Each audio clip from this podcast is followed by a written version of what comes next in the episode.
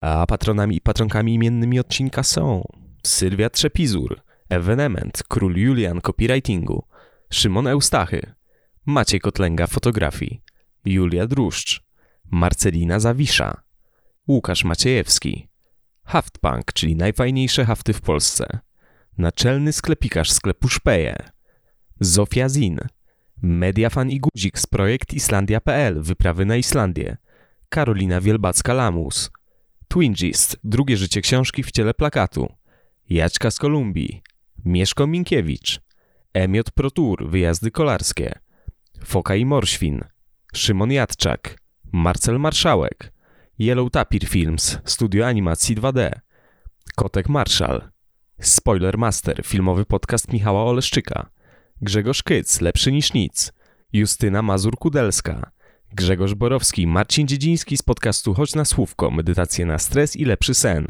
Błażej Szkudłapski, czyli DJ z wąsem, który zakręci każdym parkietem, Krzysztof Słysz, autor fanpage'a Stalowy Księgowy, Twój wuja od tatuażu, czyli wujek Darek, Maciek z krótkiego podcastu o kinie Filmawki, Paweł Maciejewski, Kasper Kopeć, Piesek Szuwarek i jego ludzie oraz Mietczyński. Bardzo, bardzo Wam dziękujemy. Podcastex. Podcast o latach 90. i zerowych.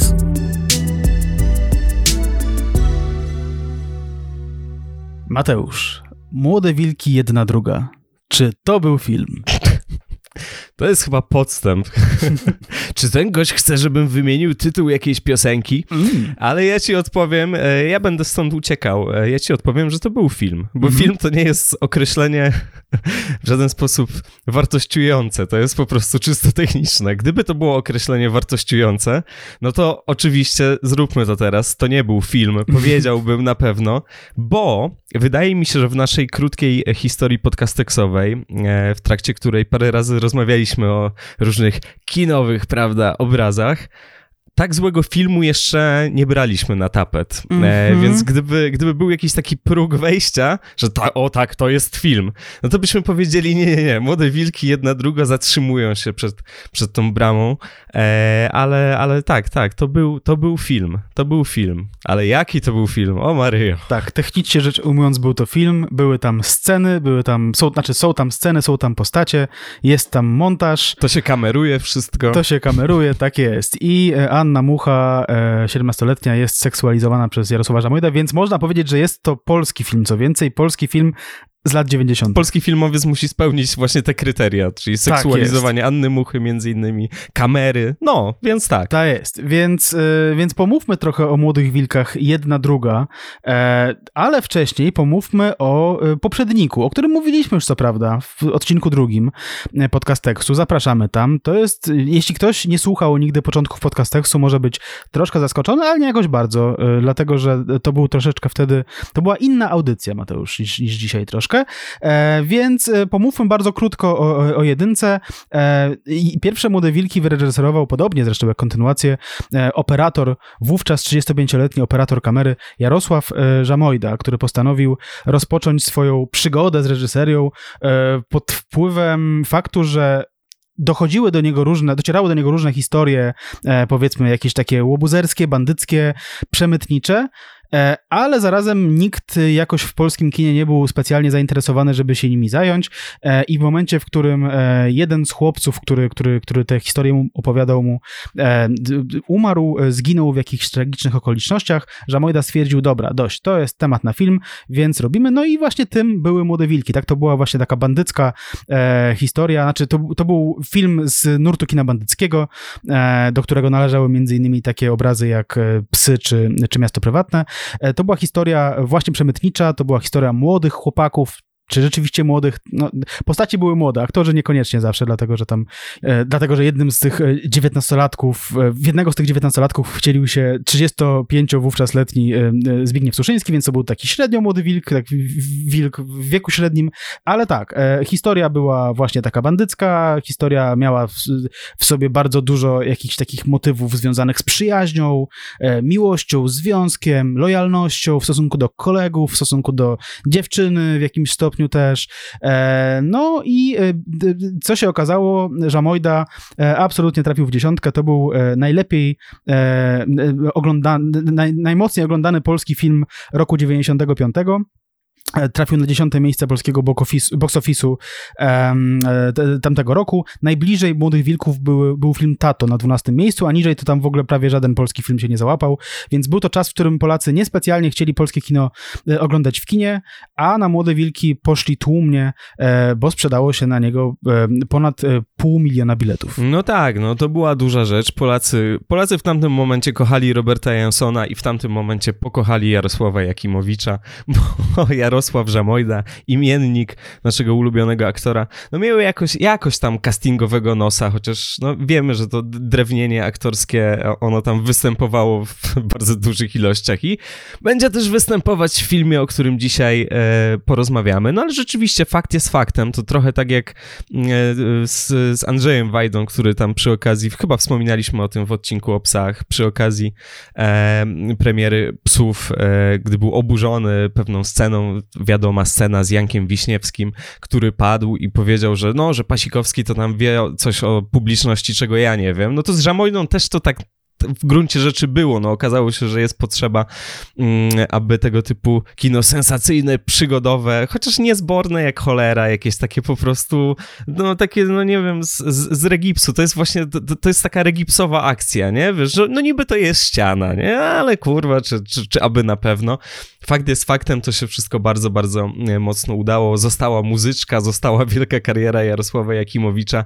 No właśnie, to jest pewna jakaś taka przewina e, Jarosława Żamojdy, no ale, ale mniejsza, mniejsza o to. No to rzeczywiście wspominaliśmy też w tym odcinku, Jezus Maria, swoją drogą, jaki my mieliśmy początek. Najpierw odcinek o Edycie Górniak, w której nie wspominamy o hymnie z Korei i Japonii, a potem chyba podcast o Młodych Wilkach nagrany tam, kurwa, latarką i czymś tam jeszcze, czajnikiem elektrycznym. Ja go nagrywałem w kiblu. Ty go nagrywałeś w kiblu, Naprawdę. ja w pokoju, ale prawdopodobnie to była jakaś taka część, nie wiem, e, część armatury, to na czym nagry nagrywałem. No ale wspominaliśmy tam o tym, że, że gdzieś się Mm, na naszych oczach rodził jakiś taki nowy typ reżysera, tak? Jakaś ta, ta, ta, strategia reżyserska się zmieniała, już odchodzimy od jakiegoś takiego kina autorskiego, artystycznego, tak?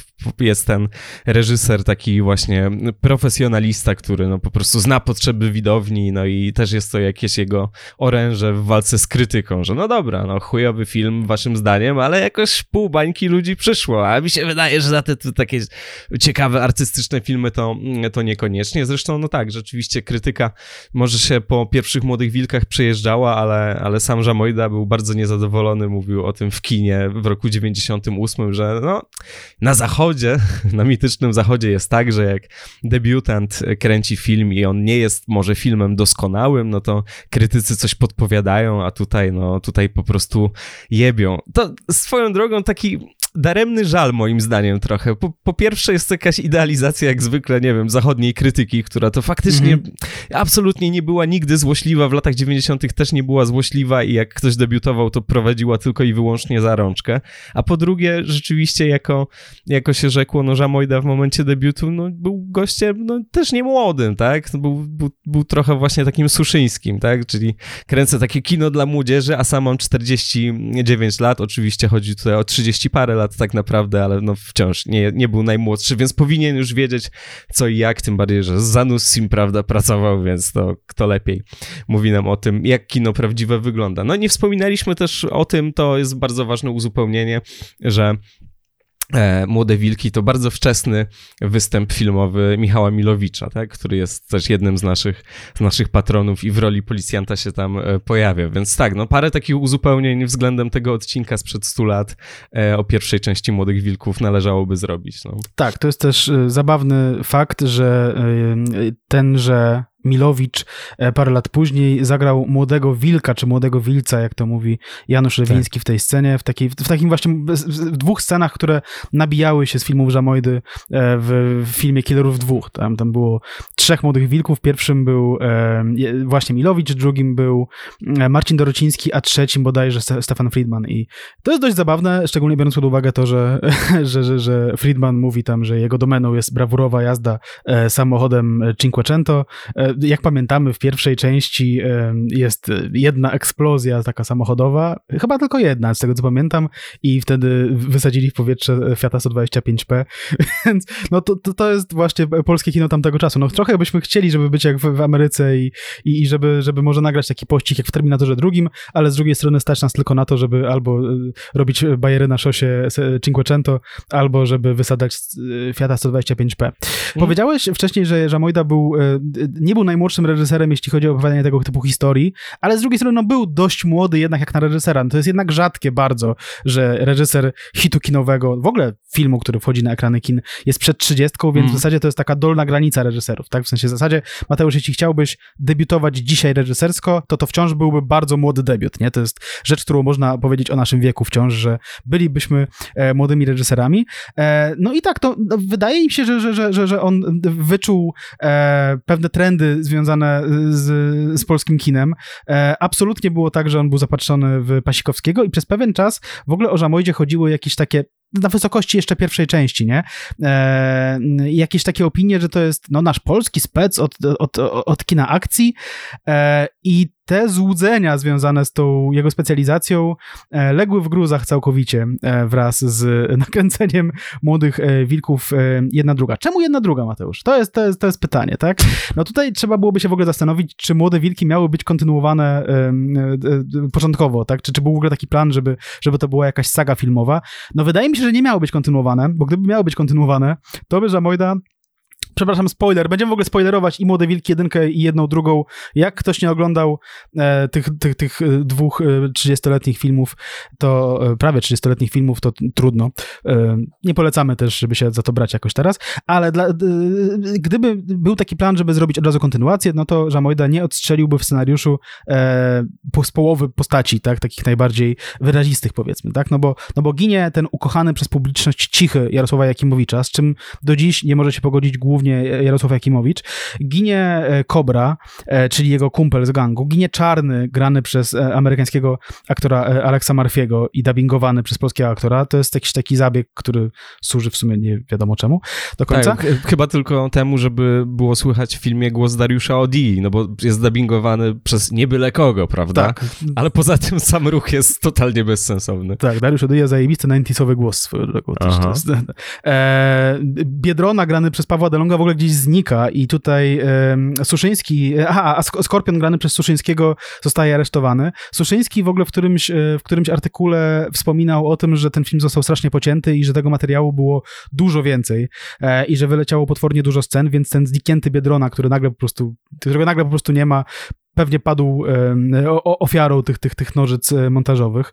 E, główna bohaterka filmu, znaczy kobieca bohaterka filmu, Cleo, e, wyjeżdża do Stanów. Główny bohater filmu obok Jakimowicza, czyli Prymus, no, nie, pod koniec nie ma jakiejkolwiek motywacji do, do, tego, żeby kontynuować ścieżkę przestępczą i prawdopodobnie też wyjedzie za Cleo do, do, do Stanów, więc no, to jest finał taki, że tam no, nie ma zupełnie na czym budować, nie? No, trzeba by byłoby jakichś po prostu cudów dosłownie, cuda zdziałać, żeby, żeby można było to dalej dalej, e, to, to, to, dalej robić, więc no postanowiono zrobić e, tę jedną, drugą. Żamojda e, trochę się bał drugiego filmu, wspominał o czymś takim jak syndrom drugiego filmu, który urodził mu się w głowie, kiedy obserwował kolegów po fachu, tak, i koleżanki, którzy no, mieli duży problem ze zrobieniem, ze zebraniem pieniędzy na drugi film, ze zrobieniem drugiego filmu, on się tego obawiał. Też co więcej, podobno początkowo nie chciał robić tej kontynuacji, ale minęło parę miesięcy, było parę spotkań z młodzieżą, prawda?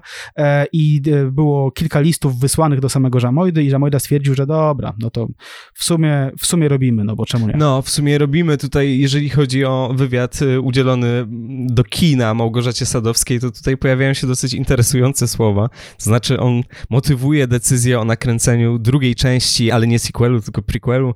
Mówi o wartościach tutaj, że tak? Moi bohaterowie muszą pokazać, czy potrafią bronić w życiu wartości, które cenią, w jakim stopniu takie słowa jak miłość, przyjaźń, wierność, moralność są w stanie wypełnić treścią. No i to jest dosyć ciekawe, bo te młode wilki, pierwsza część, no one się gdzieś tam w pewnym sensie sytuowały w kontrze wobec tego całego nurtu kina bandyckiego, bo jednak jest tutaj jakiś taki moralitet wpisany w całą opowieść. No, że tak, tu jazda, tutaj jeepem, panie, tu przemycimy, tutaj do tego krasnala, to kurwa radioaktywny odpad, w ogóle o co chodzi. Tu w Międzyzdrojach będziemy się bawić, ale koniec końców spotka nas kara, jeden umrze, drugi pójdzie do, do pierdla i, i jest tutaj jakaś taka po prostu herbertowska opowieść z morałem.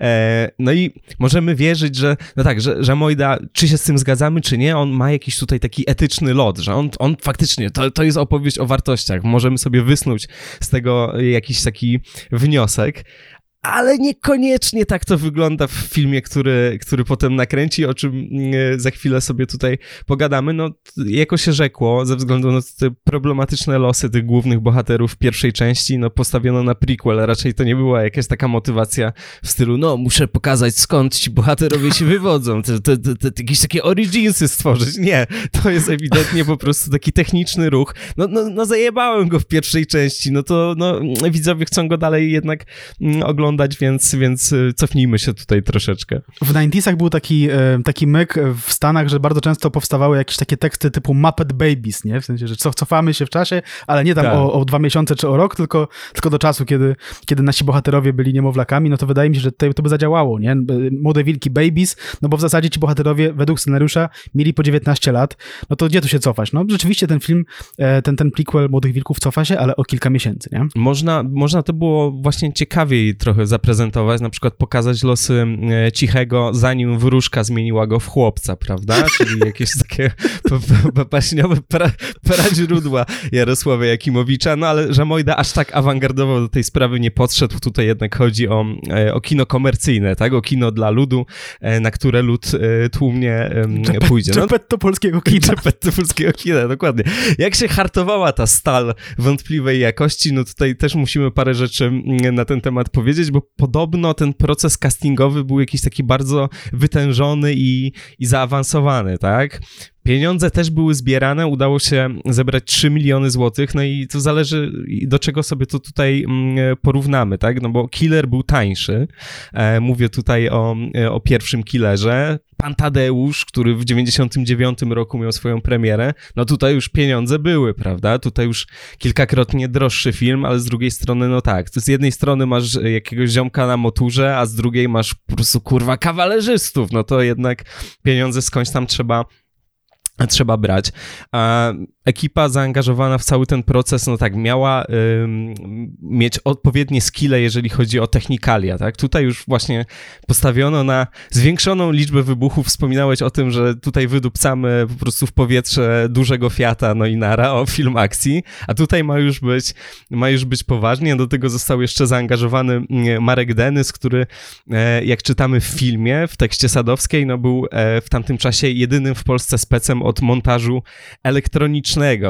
No, to tak to troszeczkę jest, że jak jesteś tym najlepszym w klasie z czegoś tam, to nie znaczy, że dostaniesz Nobla, nie? Więc tutaj troszeczkę te rzeczy też wychodzą, bo pewne decyzje montażowe są może nieco, nieco kontrowersyjne, no ale tak, y, prawdopodobnie miała to być z założenia produkcja pełna rozmachu i momentami nawet, jeżeli to się odniesie do polskiego kina tamtej doby, momentami ten rozmach się uzyskuje, tylko że raczej ten efekt, który byłby spodziewany, nie zostaje nigdy osiągnięty. Napracowane było, ale, ale co z tego wyszło, no to, to za chwilę też będziemy próbowali oczywiście udowodnić. Tak, no wspomniałeś o tym, że Żamojda e, zebrał 3 e, miliony złotych. E, wydaje mi się, że w tym zbieraniu bardzo pomógł, pomógł sposób, w jaki reżyser pozycjonował się w polskich mediach. Dlatego, że kiedy on opowiadał o sobie i o tym, jaki jest, jakie jest jego podejście do kina, to on cały czas, po pierwsze, napierdalał w kino moralnego niepokoju. Mhm. Podobnie zresztą jak Pasikowski,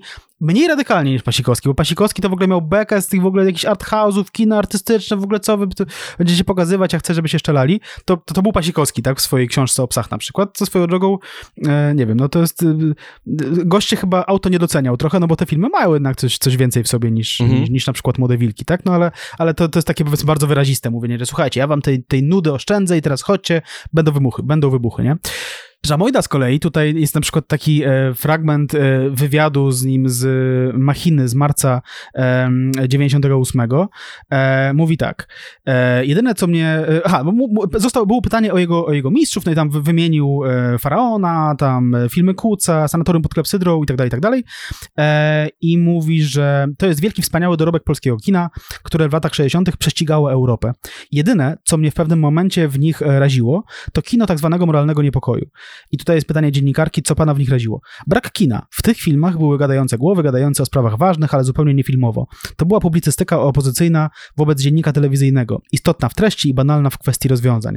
Naprawdę nie idea ratuje dzieło sztuki, tylko wartość gatunkowa. Film ma być zrobiony z pasją, być świeży, agresywny w środkach wyrazu, powinien proponować coś nowego w kwestii formalnej, powinien, e, powinien wciągać. Wtedy jest dziełem sztuki, jeśli usypia, to jest dobranocka, ja nie lubię dobranocek. I takich wywiadów tego rodzaju było mnóstwo.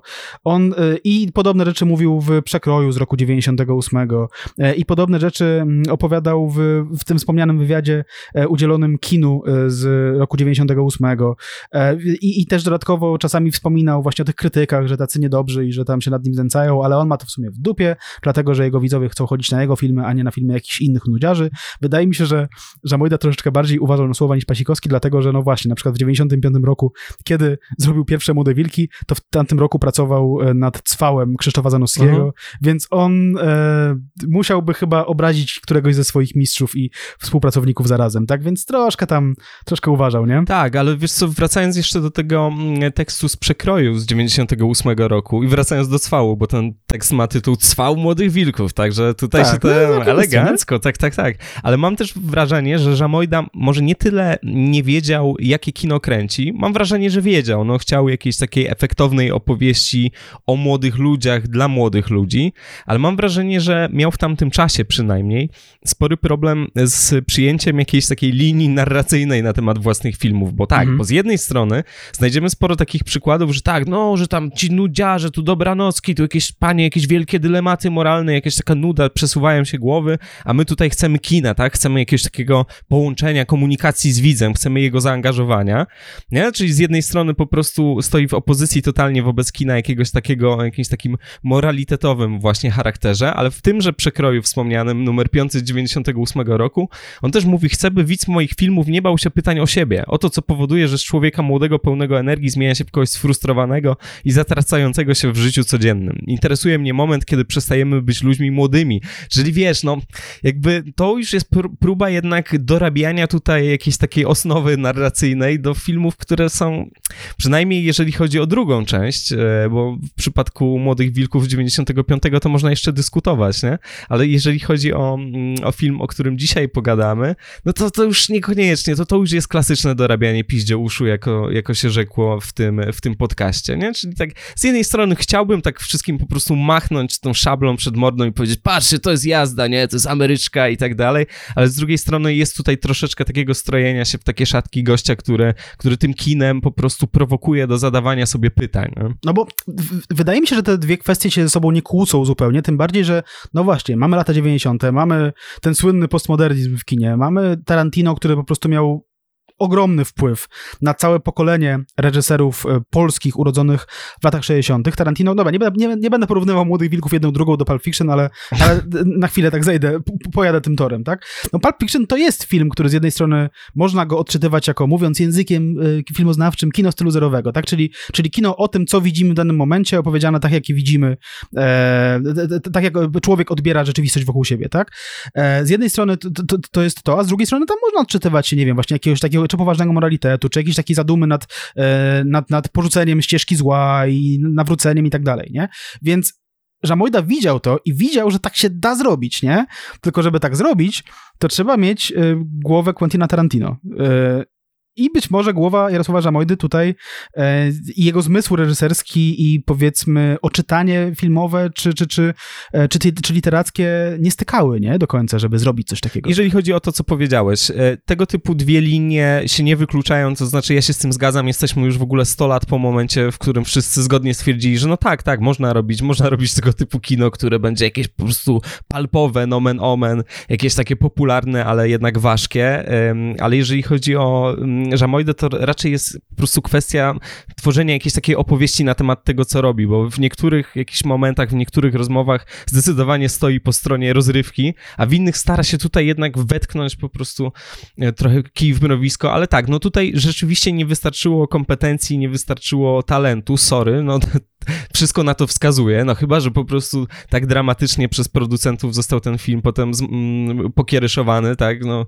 akurat Suszyński wspominał przy okazji pierwszej części, że tam jakieś wątki z nim wyleciały, sceny wyleciały, tak, w teledysku Various Manx do Pocałuj Noc widzimy rzeczy, których nie ma w tym filmie, okej, okay, takie rzeczy się dzieją i bardzo często, no nie bez kozery wychodzą wersje reżyserskie potem rozmaitych filmów, ale wydaje mi się, że tutaj nie mm było jednak materiału, z którego dałoby się uszyć kino popularne, ale, ale ważkie. W każdym razie Żamojda w tamtym momencie, jego nazwisko, jego um, jakiś, jakaś taka, no jednak estyma, um, która się wokół niego pojawiła po tej pierwszej części, to było nazwisko, które ściągało do kina, które przyciągało sponsorów przez moment. No tak, tak było, jak sobie zobaczymy tutaj listę. Był taki czas w historii polskiego Tak, to jest zaskakujące. Jak zobaczymy sobie listę mm, sponsorów e, filmu Młode Wilki, jedna, druga, no to, to tak, no to proszę pana, mamy Ireno i Jelcza, no to jest właśnie, myślę, bardzo wymowne, nie, w tym kontekście. To, to, to jest właśnie to, co się, co się udało tutaj zrobić. Mówiliśmy o tej właśnie takiej strategii profesjonalisty, tak? Powoływaliśmy się też w tej pierwszej części na Marcina Adamczaka, na, na jego książkę Globalny Hollywood, filmowa Europa i polskie kino po 89.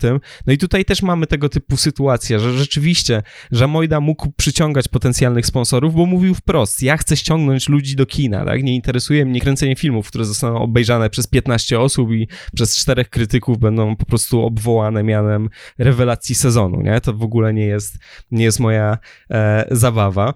E, no tych sponsorów było więcej, będziemy jeszcze tutaj przechodzić do jakichś takich ciekawych rekwizytów, które się w tym filmie pojawiają, bo w tym filmie się pojawia w ogóle bardzo dużo ciekawych rzeczy, co nie znaczy, że ten film jako całość wypada w jakiś taki sensowny sensowny tak, sposób. Czy można powiedzieć bezpiecznie, że Młode Wilki jedna druga to jest film nudny? Nie.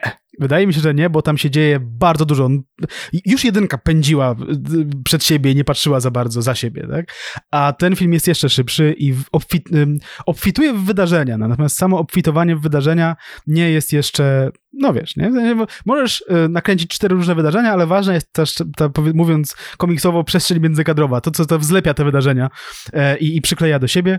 E, I tutaj tego Zabrakło troszkę, ale dobrze, to jeszcze dojdziemy do, do, do, do skillsów narracyjnych. Porozmawiajmy, wiesz co, może jeszcze po prostu o tym, kto tutaj nam no, tę tkankę wspaniałą filmową mm. tworzy, tak? Czyli porozmawiajmy o castingu, bo tutaj pojawiają się oczywiście twarze znane z pierwszej części, to jest jasne, no bo mm, one też były tutaj jakimś gwarantem. No jakże mam kręcić kolejną część bez Jarosława Jakimowicza, tak? No jednak... Nie da się. No nie da się, no zupełnie, no dlatego po prostu jest impas z tą trójką, o której jeszcze na końcu pewnie pewnie mm, e, parę słów powiemy. No ale pojawiają się nowe twarze rzeczywiście, e, między innymi Anna Mucha. E, Anna Mucha, która wówczas była młodą osobą bardzo, siedemnastolatką, osobą, która już miała no, parę jakichś takich no, prestiżowych doświadczeń. Jeżeli ktoś gra w liście Schindlera u Spielberga, no to raczej fajnie to wygląda w CV, mm. prawda? Jeżeli ktoś gra u Wajdy, raczej całkiem dobrze to wygląda w CV i tak dalej i tym podobne.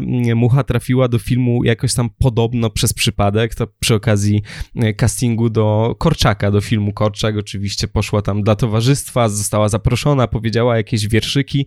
No i elo, fajnie, e, jesteś przyjęta. E, no i tutaj też pełni rolę jakiegoś takiego przepraszam, no nie chcę tutaj absolutnie obrażać pani Anny Muchy, ani dziś, ani, ani Muchy, nastolatki wtedy, ale jest tutaj jakimś takim z założenia świecidełkiem, co oczywiście jest podkreślone jeszcze przy okazji w scenie, e, w której Skorpion, czyli Suszyński trzyma się po prostu na jej jeansach, scena, która istnieje tylko i wyłącznie po to, żeby pokazać kawałek majteczek siedemnastolatki, także Jarosław Żamojda, dobra, dobra robota. E, no i czy ona nas tutaj zachwyca w tym filmie. Raczej nie. Myślę, że do jakiegoś rozwoju jednak mimo wszystko doszło od tamtego czasu. Ja niedawno miałem, jako że zresztą pozdrawiam wszystkich, mam po pierwsze rozmawiamy o Młodych Wilkach jedna druga, po drugie mam COVID, więc generalnie jest to najgorszy dzień w moim życiu, ale mieliśmy ostatnio z, z moją dziewczyną maraton mm, seriali na podstawie filmów Patryka Wegi, no bo mhm. Patryk Wega przecież no, nie nakręci tylko filmu o, tylko potem musi to wisieć na platformie i wydaje mi się, że mimo tej całej gównianej osnowy, jaką stanowią filmy Patryka Wegi od bardzo dawna, no to Anna Mucha się rozwinęła aktorsko. W tamtym momencie jeszcze tego aż tak bardzo nie widać. Jest to, jest to troszeczkę takie drewutniowe. Tak, nie? przy czym to nie jest poziom Jakimowicza z pierwszej części, ani z drugiej, nie? Ona oczywiście, oczywiście ma większą czutkę aktorską. Zresztą wydaje mi się też, że, że, że no, no właśnie, jeśli, jeśli grasz rolę u, u Spielberga w wieku 13 lat, to znaczy, że ktoś tam z tej ekipy amerykańskiej musiał dostrzec coś, coś fajnego w tobie. No i widać, że, że, że ona umie grać. Przy czym też dużą e, winę trzeba tutaj zrzucić na poziom dialogów e, Żamojdy. No ja nie zazdroszczę osobiście tym wszystkim aktorom i aktorkom, którzy, które e, musieli, musiały wypowiadać te wszystkie, te wszystkie bzdury przed kamerą. No ja bym chyba nie, też bym nie podołał, bo gdybym zagrał w Młodych Wilkach, to też byście się ze mnie nabijali dzisiaj, więc, więc to, to nie jest tak, że, że, że my w ogóle nie filujemy z tymi ludźmi, nie? Tak, tak, tak. tam są takie momenty, w których myślisz, że tego się po prostu nie da dobrze zagrać. Tak. Naj, najnormalniej w tak, świecie. Tak, tak. Tak. E, no i co? No i Jarosław Żamojda e, postanowił iść w kierunku obsadzania głównych ról aktorami, którzy nie pokończyli e, szkół, tak? No bo mamy Jakimowicza, mamy Annę Muchę i mamy tutaj też Krzysztofa Antkowiaka, czyli wykonawcę, młodocianego wykonawcę piosenek, wykonawcę między innymi piosenki, najbardziej znanej polskiej piosenki o waleniu konia i wąchaniu kleju, czyli tutaj mówię o zakazanym owocu oczywiście. I teraz ktoś przed radioodbiornikiem, jakiś, jakaś fanka Krzysztofa Antkowiaka z tamtych czasów zakrzyknie, ale jak to? Jak, jak po prostu 13-letni, czy tam ile on miał lat wtedy, Krzysztof Antkowiak o waleniu konia? Proszę Państwa, ja mam dowód. I tym dowodem jest okładka kasety, która e, Krzysztofa Antkowiaka pod tytułem Zakazany owoc. I na tej okładce za, zaprojektowanej przez e, polskiego Banksiego, czyli Ponksiego, czyli Andrzeja Pongowskiego jest Krzysztof Antkowiak i na ramieniu tego Krzysztofa Antkowiaka, który tak spoziera w prawo, on spoziera w kierunku gruszki z taką czerwoną dupą. I ten, to jest taka, no to jest tyłek po prostu. Nawet nie wiadomo, czy kobiecy do końca. To jest po prostu, po prostu tyłek. No, smooth, panie Pongowski, nie? To jest bardzo, bardzo fajna okładka. No, wiesz co, krępujących wątków jest w ogóle więcej w tej całej historii, e, bo na trackliście mm, tego albumu, notabene bardzo dobrego albumu dla dzieciaków, to są kompozycje Dębskiego, teksty Cygana, Mamy na przykład piosenkę Za Mały. E, Zwariowane sam na sam? Zwariowane sam na sam. Jest też mm, polskojęzyczna wersja La Isla Bonita, można ją chyba znaleźć sobie na YouTubie i e, młodziutki Krzysiu Antkowiak tam śpiewa, że chciałbym być ciebie tak blisko jak ten facet ze 102, także to są jakieś takie w ogóle milf, milfowe, fanta- no, jakby niepotrzebnie pakowano mu tutaj taki po prostu, no znowu ważki, ważki repertuar, także tutaj cały czas balansujemy na, na granicy przyzwoitości, podobnie jak Krzysztof Antkowiak w Młodych Wilkach jedna druga. to prawda. No bo jakby skąd się tam wziął Krzysztof Antkowiak? On sam mówił o tym, że, mm, że Mojda zauważył go w jakimś tam magazynie muzycznym, więc, więc zadzwonił, więc o, taki fajny chłopak. Znaczy, no nie wiem, czy Żamojda tak pomyślał, ale zakładamy, że tak, no bo podobny klucz y, doboru przyjął w przypadku Jakimowicza. No to raczej tutaj nie ze względu na jakiś niesamowity zasięg aktorski został zatrudniony do, do Młodych Wilków, więc tenże Antkowiak, jak to było z tym Antkowiakiem, no bo końcówka lat 80. to wspomniany przez ciebie zakazany owoc, e, dyskoteka pana Jacka, tak, on był wielką gwiazdą tego, tego programu, bardzo popularnego w tamtym czasie, były też składaneczki i potem był Impas. To jest w ogóle historia, która jest nam dobrze znana z rozmaitych źródeł też zachodnich, tak? Mamy dziecięcą gwiazdę i potem mamy ciszę. W 97, czyli rok przed e, premierą Młodych Wilków, jedna druga, e, Antkowiak wydał swój, no właśnie, drugi solowy album, ale tak naprawdę pierwszy dorosły album pod tytułem Delfin. To jest um, album, praca nad którym się bardzo ślama zażyła. To jest album, przy którym pracował Ciechowski, który produkował Ciechowski, na który teksty napisał Ciechowski, na którym na gitarze gra Jacek Królik, czyli ogólnie zajebiście, nie? Jakby co może się wydarzyć złego, ale jako, że ta praca się bardzo przeciągała, to też ten materiał się trochę przeterminował. To był z założenia taki materiał troszeczkę, wiesz, on miał być nowoczesny, troszkę tam trip-hopu jest, o tym, ten Massive Attack, to fajny, fajny zespół, to młodzież to polubi, ale ta płyta troszeczkę klapnęła, nie ma co ukrywać, więc no y, tutaj Żamojda raczej nie chciał wykorzystać popularności tej płyty, tylko stwierdził, no dobra, ładny chłopak, może młodzież będzie, e, będzie tym zainteresowana i jak to w przypadku Jarosława, Jarosława Żamojdy, jebać możliwości aktorskie, bo tutaj możemy mieć inne zdanie z tego, co wiem, to znaczy ty chyba nie byłeś aż tak surowy wobec Antkowiaka. Moim zdaniem on jest tutaj straszny, to znaczy to zahacza o rejony jakimowiczowskie. Jest absolutnie beznamiętny, ale to nie jest taka beznamiętność typu Boże, on jest zimny jak stal, tylko to jest taka beznamiętność typu Jezus Maria, nie masz nic w głowie w momencie, w którym wypowiadasz tę kwestię. I to jest też jeden z powodów, dla których e, Anna Mucha, mam wrażenie, wypada gorzej niż by mogła. E, dlatego, że mamy niby taki fajny trik, no mamy parę nastoletnich bohaterów, powiedzmy, że jakieś takie wciąż młodzieńcze gwiazdy, tak to nazwijmy. Obie osoby są atrakcyjne jakoś tam, więc będziemy mieli super parę tych protagonistów, nie? Po prostu będzie iskrzyło, no, no ładni, młodzi, wiesz, fajnie. No nie, między nimi wybitnie nie ma chemii, to znaczy tam nie ma żadnych napięć, żadnych, żadnych iskier, a mają do zagrania sceny, w których oczywiście się rozstają, bo ta postać grana przez Antkowiaka, no swoją drogą tak, Krzysztof Antkowiak gra Krzysztofa, a Anna Mucha gra tak. E, Annę, tak, tutaj zaznaczmy. E, tenże Krzysztof tam z nią w ciągu rozmowy się z nią osiem razy zrywa, potem się z nią godzi, potem znowu z nią zrywa, to jest jakiś taki stały case w tym filmie, e, ale nie jesteśmy w stanie w ogóle w to wszystko uwierzyć, bo między nimi nie ma absolutnie niczego, a Żamojda prawdopodobnie jako reżyser nie jest najlepszy w wyciskaniu maksimum ze swoich aktorów, takie mam wrażenie. Chyba, że, że się mylę, ale tutaj e, ewidentnie nie podołał. Może tak być. No, ja troszkę stanę w obronie e, tegoż Antkowiaka, dlatego, że odpowiedzialność za to, że on zagrał tak, jak zagrał i w ogóle, że on się pojawił w tym filmie, spada po prostu na Żamojdę. I y, oczywiście to samo można powiedzieć o, o, o Jakimowiczu i tak dalej, ale Antkowiak chociaż jest o tyle uczciwy, że w wywiadach, które ukazywały się w okolicy premiery filmu w roku, w styczniu roku 98, on mówi, że to jest jednorazowa przygoda, ja chyba więcej nie wracam. I on chyba wie, co się wydarzyło na tym planie, mhm. dlatego, że mi się wydaje, i trochę z nim filuję, mi się wydaje, że on był strasznie zesrany, on jest strasznie zestresowany. E, oczywiście nie jesteśmy w stanie e, powiedzieć, które sceny były nagrywane później, które, które, e, które wcześniej, ale wydaje mi się, że o, e, on jest tak samo zesrany na przestrzeni całego, całego filmu, nie? E, jego przerasta mówienie e, do kamery, co nie dziwi, no bo jest amatorem. I teraz ja nawet jestem w stanie zrozumieć, że Żamojda miał jakiś taki pomysł, żeby wziąć tego pięknego chłopaka, jakim był, przepraszam, no, proszę państwa, no, Jakimowicz był piękny i wciąż jest piękny, e, pięknym mężczyzną, no był ładnym chłopakiem, tak, wtedy i dobrze, i, i nieprzypadkowo trafiał co chwila na, e, na plakaty w Brawo i w Popcornie i tak dalej, nie? E, widziałem te plakaty, tak, jakby mógł wyrwać plakat z egzemplarza e, w, w Bibliotece Narodowej, to bym to zrobił, ale, ale nie jestem jak młody wilk, nie jestem na bakier z prawem, no i e, jasne, mógł mieć taki pomysł, że biorę tego fajnego chłopaka, no bo on się sprzeda i faktycznie to, była, to, to, było, to było dobre wyczucie, ale taki fart zdarza się tylko raz, wydaje mi się, nie? że nie ma za bardzo opcji, żeby wcelować tak jeszcze raz. I próbował zrobić to jeszcze raz z, e, z Muchą i z Antkowiakiem. Muchę jeszcze rozumiem, no bo też Żamojda był zapatrzony w zachód, w ogóle do tego stopnia, że nawet w jedynce miał e, e, dwójka aktorów, tak, e, którzy, którzy pochodzili ze Stanów i ona mówiła w ogóle po, po angielsku z napisami i ludzie odpowiadali jej po polsku, jakieś takie absurdy, Super, a z kolei Alex Murphy był dubbingowany przez cały film, więc takie zupełnie bezsensowne rzeczy, no ale Żamojda chociaż miał tych Amerykanów na planie, fajnie, mam dwie osoby, które były za oceanem, w ogóle, w ogóle wow, ale super, nie? Więc rozumiem, że ta Anna Mucha zrobiła na nim wrażenie, no bo to jest jednak dziewczyna, która zagrała u Spielberga, ale Antkowiak to jest w ogóle typ z dupy, dlatego, że po pierwsze... Z, z dupy gruszki. Z dupy tej gruszki, tak, która siedzi mu na ramieniu.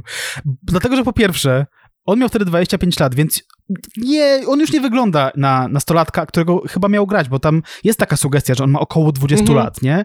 Widać, że jest starszy. Więc jeśli Żamojda chciał mieć młodszego aktora, który zagrałby około 19-20-latka, to zupełnie nie, nie wcelowo z Antkowiakiem, dlatego że on nawet nie wygląda jak taka bardzo młoda osoba, nie?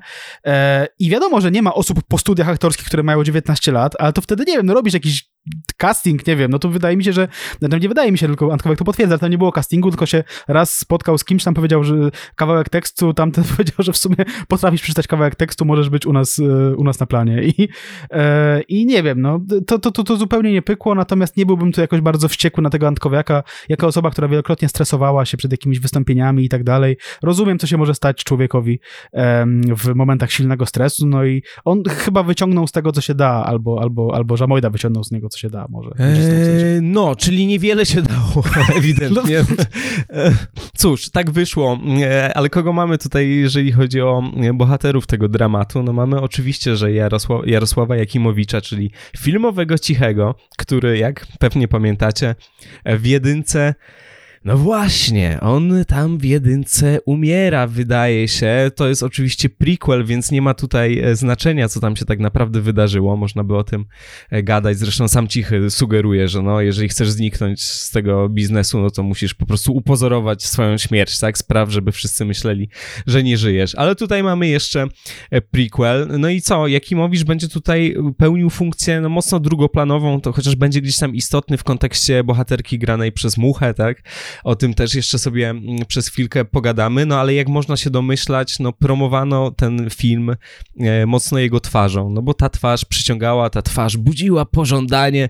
Bartek by powiedział, że dalej budzi. No ja, te, ja wolę mm tego wczesnego Jakimowicza, ty tego dojrzalszego i okej. Okay, się no. zepsuł. Po młodych wilkach się zepsuł. Dokładnie tak. Więc mamy tutaj rozmaite jakieś takie dokumenty z epoki, na przykład e, kwestionariusz z popcornu, Jarek Jakimowicz, koszulka biała i e, autograf. Pozdrawiam was, Jarek. No i fajnie po żołniersku, czytelnie. E, I co tutaj mm, czytamy? Największa wada nadwrażliwość, największa zaleta wrażliwość. Także no jest, jest ten Jakimowicz tutaj oczywiście mm, przebiegły. To był myśliciel jednak. Tak, najlepszy przyjaciel jest, nie? Czyli widzisz, no to jest, to, to jest dosyć głębokie, prawda? On tutaj znaczy, nie, nie podrzuca epitetów. To też nie jest mądre pytanie, trzeba powiedzieć, nie? Do kwestionariusza. No bo co byś powiedział, tak, najlepszy tak. przyjaciel? Gówno, chuj, nie wiem. tak on tak napisał. Ja bym odpowiedział y, piosenką Krzysztofa Antkowiaka, Przyjaciel wie po prostu. E, więc tak mógł zrobić Jarosław Jakimowicz. No tak, ostatnia rola myślę, że już za mną. No tutaj dotyczy to oczywiście Młodych Wilków jedna, druga, ale no nie ostatnia w życiu, o czym też będziemy tutaj e, mówić. No i przede wszystkim ulubiony film, tak? No bo to jest właśnie ten przypadek, o którym y, wspominaliśmy przy różnych okazjach, czyli film bardzo popularny, w pewnym momencie w Polsce jeden z najpopularniejszych filmów po prostu tak kurwa dla, dla całej społeczności. Mówię, mówimy tutaj o, o lodach na patyku, czyli o w sumie całej serii takich komedii erotycznych izraelskich. I tutaj oczywiście, że Jarosław Jakimowicz stawia na, lody na patyku, ale jak się dowiedzieliśmy też, zmieniało mu się to w zależności od pogody, tak? Tak, zmieniało mu się to dlatego, że bardzo podobny kwestionariusz y, został umieszczony y, pod koniec książki Młode Wilki, takiej adaptacji powiedzmy, prozaicznej adaptacji tego scenariusza, napisanej zresztą zresztą przez, e, przez Żamojdę. To jest ważna w ogóle informacja. Scenariusz pierwszego filmu był e, pisany wspólnie z, z Jackiem Dąbałą, obecnie profesorem z Uniwersytetu Jagiellońskiego. E, tutaj już Jarosław Żamojda postanowił sam to napisać, nie? Niemniej tak, w, w tej książce jest podobny kwestionariusz zrobiony ze wszystkimi e, głównymi aktorami, powiedzmy, tego filmu. Jeśli chodzi o ulubiony film, e, Jakimowicz stwierdza, że jest to Rejs, więc Czasem tak, czasem tak. Ja w sumie też nie jestem w stanie powiedzieć, jaki jest mój ulubiony film, czy książka, czy coś, nie? Więc to jest takie, takie niezręczne pytanie bardzo, nie? Ale no i jasne, nie, to, to są w ogóle najgorsze pytania, tak? No, ulubiony no. album muzyczny, w ogóle ulubiona piosenka. spierdalaj, nie? Jakby w ogóle o co ci chodzi? Z, z 50 tak naprawdę. Czemu chcesz to wiedzieć? Ale dokładnie w ogóle co ci to obchodzi. E, natomiast e, to jest właśnie, widzisz, Jakimowicz dzienny i Jakimowicz nocny, to, mhm. to co się tutaj dzieje. Jest ten Jakimowicz taki filuterny, lody na patyku i jest taki Jakimowicz, który, wiesz, siada z dziewczyną i mówi, wiesz, ja bardziej lubię taką klasykę, wiesz, stare polskie komedie i mówi wtedy rejs. tak, tak, przy czym trzeba powiedzieć, że jest zaskakująco spójny w obu tych scenariuszach i tym z popcornu i tym z książki, jeśli chodzi o plany na przyszłość, bo to jest pytanie, plany na przyszłość w popcornie. Bycie e, debilem e... i to się wszystko sprawdziło. To się sprawdziło. Nie, odpowiedział, chciałbym zobaczyć z bliska księżyc. Ale to jest taki liryczny Jakimowicz z kolei, jak, jak głosi podpis pod jego zdjęciem w popornie, typowy rak, rozmarzony i refleksyjny. Tak jest napisane. Jest taki, taki Jakimowicz zamyślony. Natomiast w tej książce jest e, pytanie, gdzie chciałbyś spędzić wymarzone wakacje i odpowiada księżyc. My też byśmy bardzo chcieli, panie Jarosławie, żeby pan już na ten księżyc wyleciał na stałe najlepiej, ale też trzeba powiedzieć, że jeśli byście na przykład byli w takiej sytuacji życiowej, że musicie, że robicie obiad dla wielu gości, jednym z tych gości będzie Jarosław Jakimowicz, byście bardzo chcieli zrobić mu najlepszą potrawę na świecie, jego ulubioną, to on mówi, ten dwudziestoparoletni Jakimowicz, jaka jest jego ulubiona potrawa i są to bakłażany w sosie czosnkowym. Mateusz, czy ty lubisz takie, takie rzeczy? Yy, nie, otóż nie. Zastanawiam się. To w ogóle brzmi jak przepisy. Pamiętam, jak kupiliśmy pierwszą mikrofalówkę gdzieś tam pod koniec lat 90., to dostaliśmy takie, taką książkę kucharską rzeczy, które można zrobić w mikrofali. To były okropne rzeczy i one bardzo źle się rozpuszczały, ale to brzmi jak jeden z tych, jak jeden z tych przepisów. No, no tak, taki był jego wybór. No. Co, co tutaj możesz poradzić tak naprawdę? Ale jaki ubiór preferujesz? Luz. Tak samo odpowiada w popcornie, więc w pewnym pewnym sensie tak. jest konsekwentny, artystycznie bywa po prostu taki roze, rozedrgany trochę. No. Tak, a jeśli ktoś byłby ciekaw, bo tutaj, te, jak mówiłem, te kwestionariusze w książce e, zostały stworzone na podstawie odpowiedzi wszystkich tam, większości młodych e, aktorów i aktorek w Młodych Wilkach jedna druga, to jakby ktoś był ciekaw, jaką płytę uznaje Krzysztof Antkowiak za najlepszą, najczęściej słuchaną płytę, tak, e, jego, to jest to Prince Love Sexy. I to jest w sumie całkiem ogarnięty wybór. I jak tak czytam w ogóle jego kwestionariusz, to wydaje mi się, że byłbym w stanie zaprzyjaźnić się wtedy z nim, na przykład gdybym był w jego wieku, no bo na przykład ulubiony film to jest Batman pierwszy Bartona, nie? No takie spoko wybory. Tak, tak, tak, tak, zdecydowanie tak. No ale kogo tam mamy jeszcze, jeżeli chodzi o tę bajkową menażerię? E, w tym filmie mamy przecież jeszcze kilka innych twarzy znanych z pierwszej części. No oczywiście mamy Jana Nowickiego, który rzeczywiście można odnieść wrażenie, że jest jednym z bardzo niewielu aktorów na planie. Pewne rzeczy tutaj się mm, odcinają na tle całej ekipy. Mamy y, filmowego Biedronę, czyli DeLonga, którego w Młodych Wilkach jedna druga, no jest jakby więcej. No, gdzieś tam rzeczywiście trochę mniej tego tła robi niż, niż w Młodych Wilkach, troszeczkę więcej ma do grania.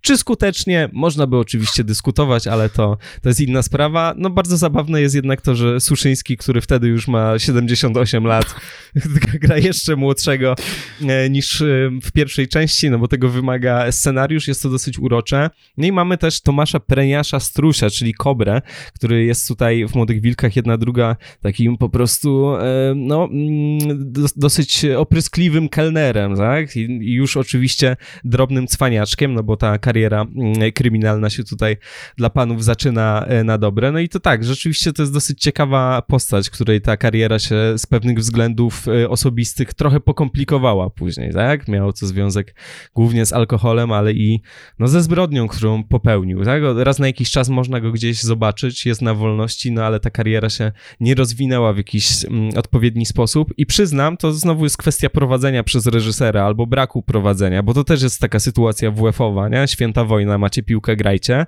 że ja nie, nie jestem do końca w stanie ocenić jego możliwości tutaj. Momentami jest skrajnie wkurwiający, mm-hmm. bo to jest taka postać, która z założenia ma być weird, nie? Tak. On tam, wiesz, całuje się z tirem i mówi coś śmiesznym głosem, ale gdyby reżyser troszeczkę poświęcił czasu na to, żeby weź inaczej trochę, bo to tak że to trochę jest dziwne, ale to nie do końca dobrze wyszło, wiesz, Tomek? No, to by jednak wyszło trochę lepiej. A tak to, no, ja jestem bardzo niezdecydowany w kwestii e, prenia szastrusza. Znaczy, no, mnie on wkurwiał, ale tak jak mówisz, wydaje mi się, że to jest kwestia prowadzenia i tego, że e, to, takie postaci, taki wild card się mówi, tak, że nie wiadomo, co zrobi, że to jest taki joker tej ekipy, trzeba to umieć pisać panie Jarosławie, przepraszam, zanim się to wrzuci do filmu. E, no tak, no i w zasadzie powiedziałeś o Suszyńskim, no mi się wydaje, że zgodnie z konwencją tych filmów Nowicki też mógłby tam grać dziewiętnastolatka. no bo biorąc pod uwagę... Trzydziestolatka, trzydziestolatka. No, dobra, powiedzmy tak.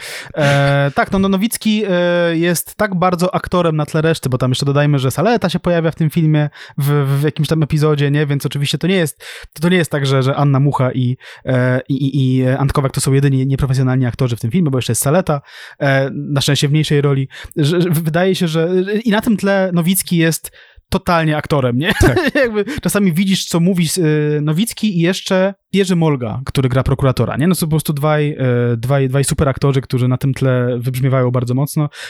Ma, mała dygresja, bardzo polecam Państwu obejrzeć film, który, taki chrześcijańska pasza tak zwana, film, który się nazywa Bóg nie umarł 2, bo to jest film pełen właśnie takich nieprofesjonalnych aktorów, wziętych um, trochę nie wiadomo skąd i wśród nich jest e, jeden e, aktor profesjonalny, który gra no, kogoś takiego w, rodzaju szatana, to jest Ray Wise, znany między innymi z, z, z, Twin Peaks i to jest tak super zabawa, kiedy widzisz, że nikt tam nie umie grać oprócz tego jednego gościa, więc tylko czekasz na tę scenę i trochę tak samo jest z tymi młodymi wilkami jedną drugą, nie? Że, że Jezu, tam po prostu brudnęło przez tę scenę. Nawet ci profesjonalni aktorzy teoretycznie, ten Delong, który no w sumie jest profesjonalnym aktorem, tak nie sprawdzałem, czy on skończył szkołę aktorską, ale zakładam, że tak.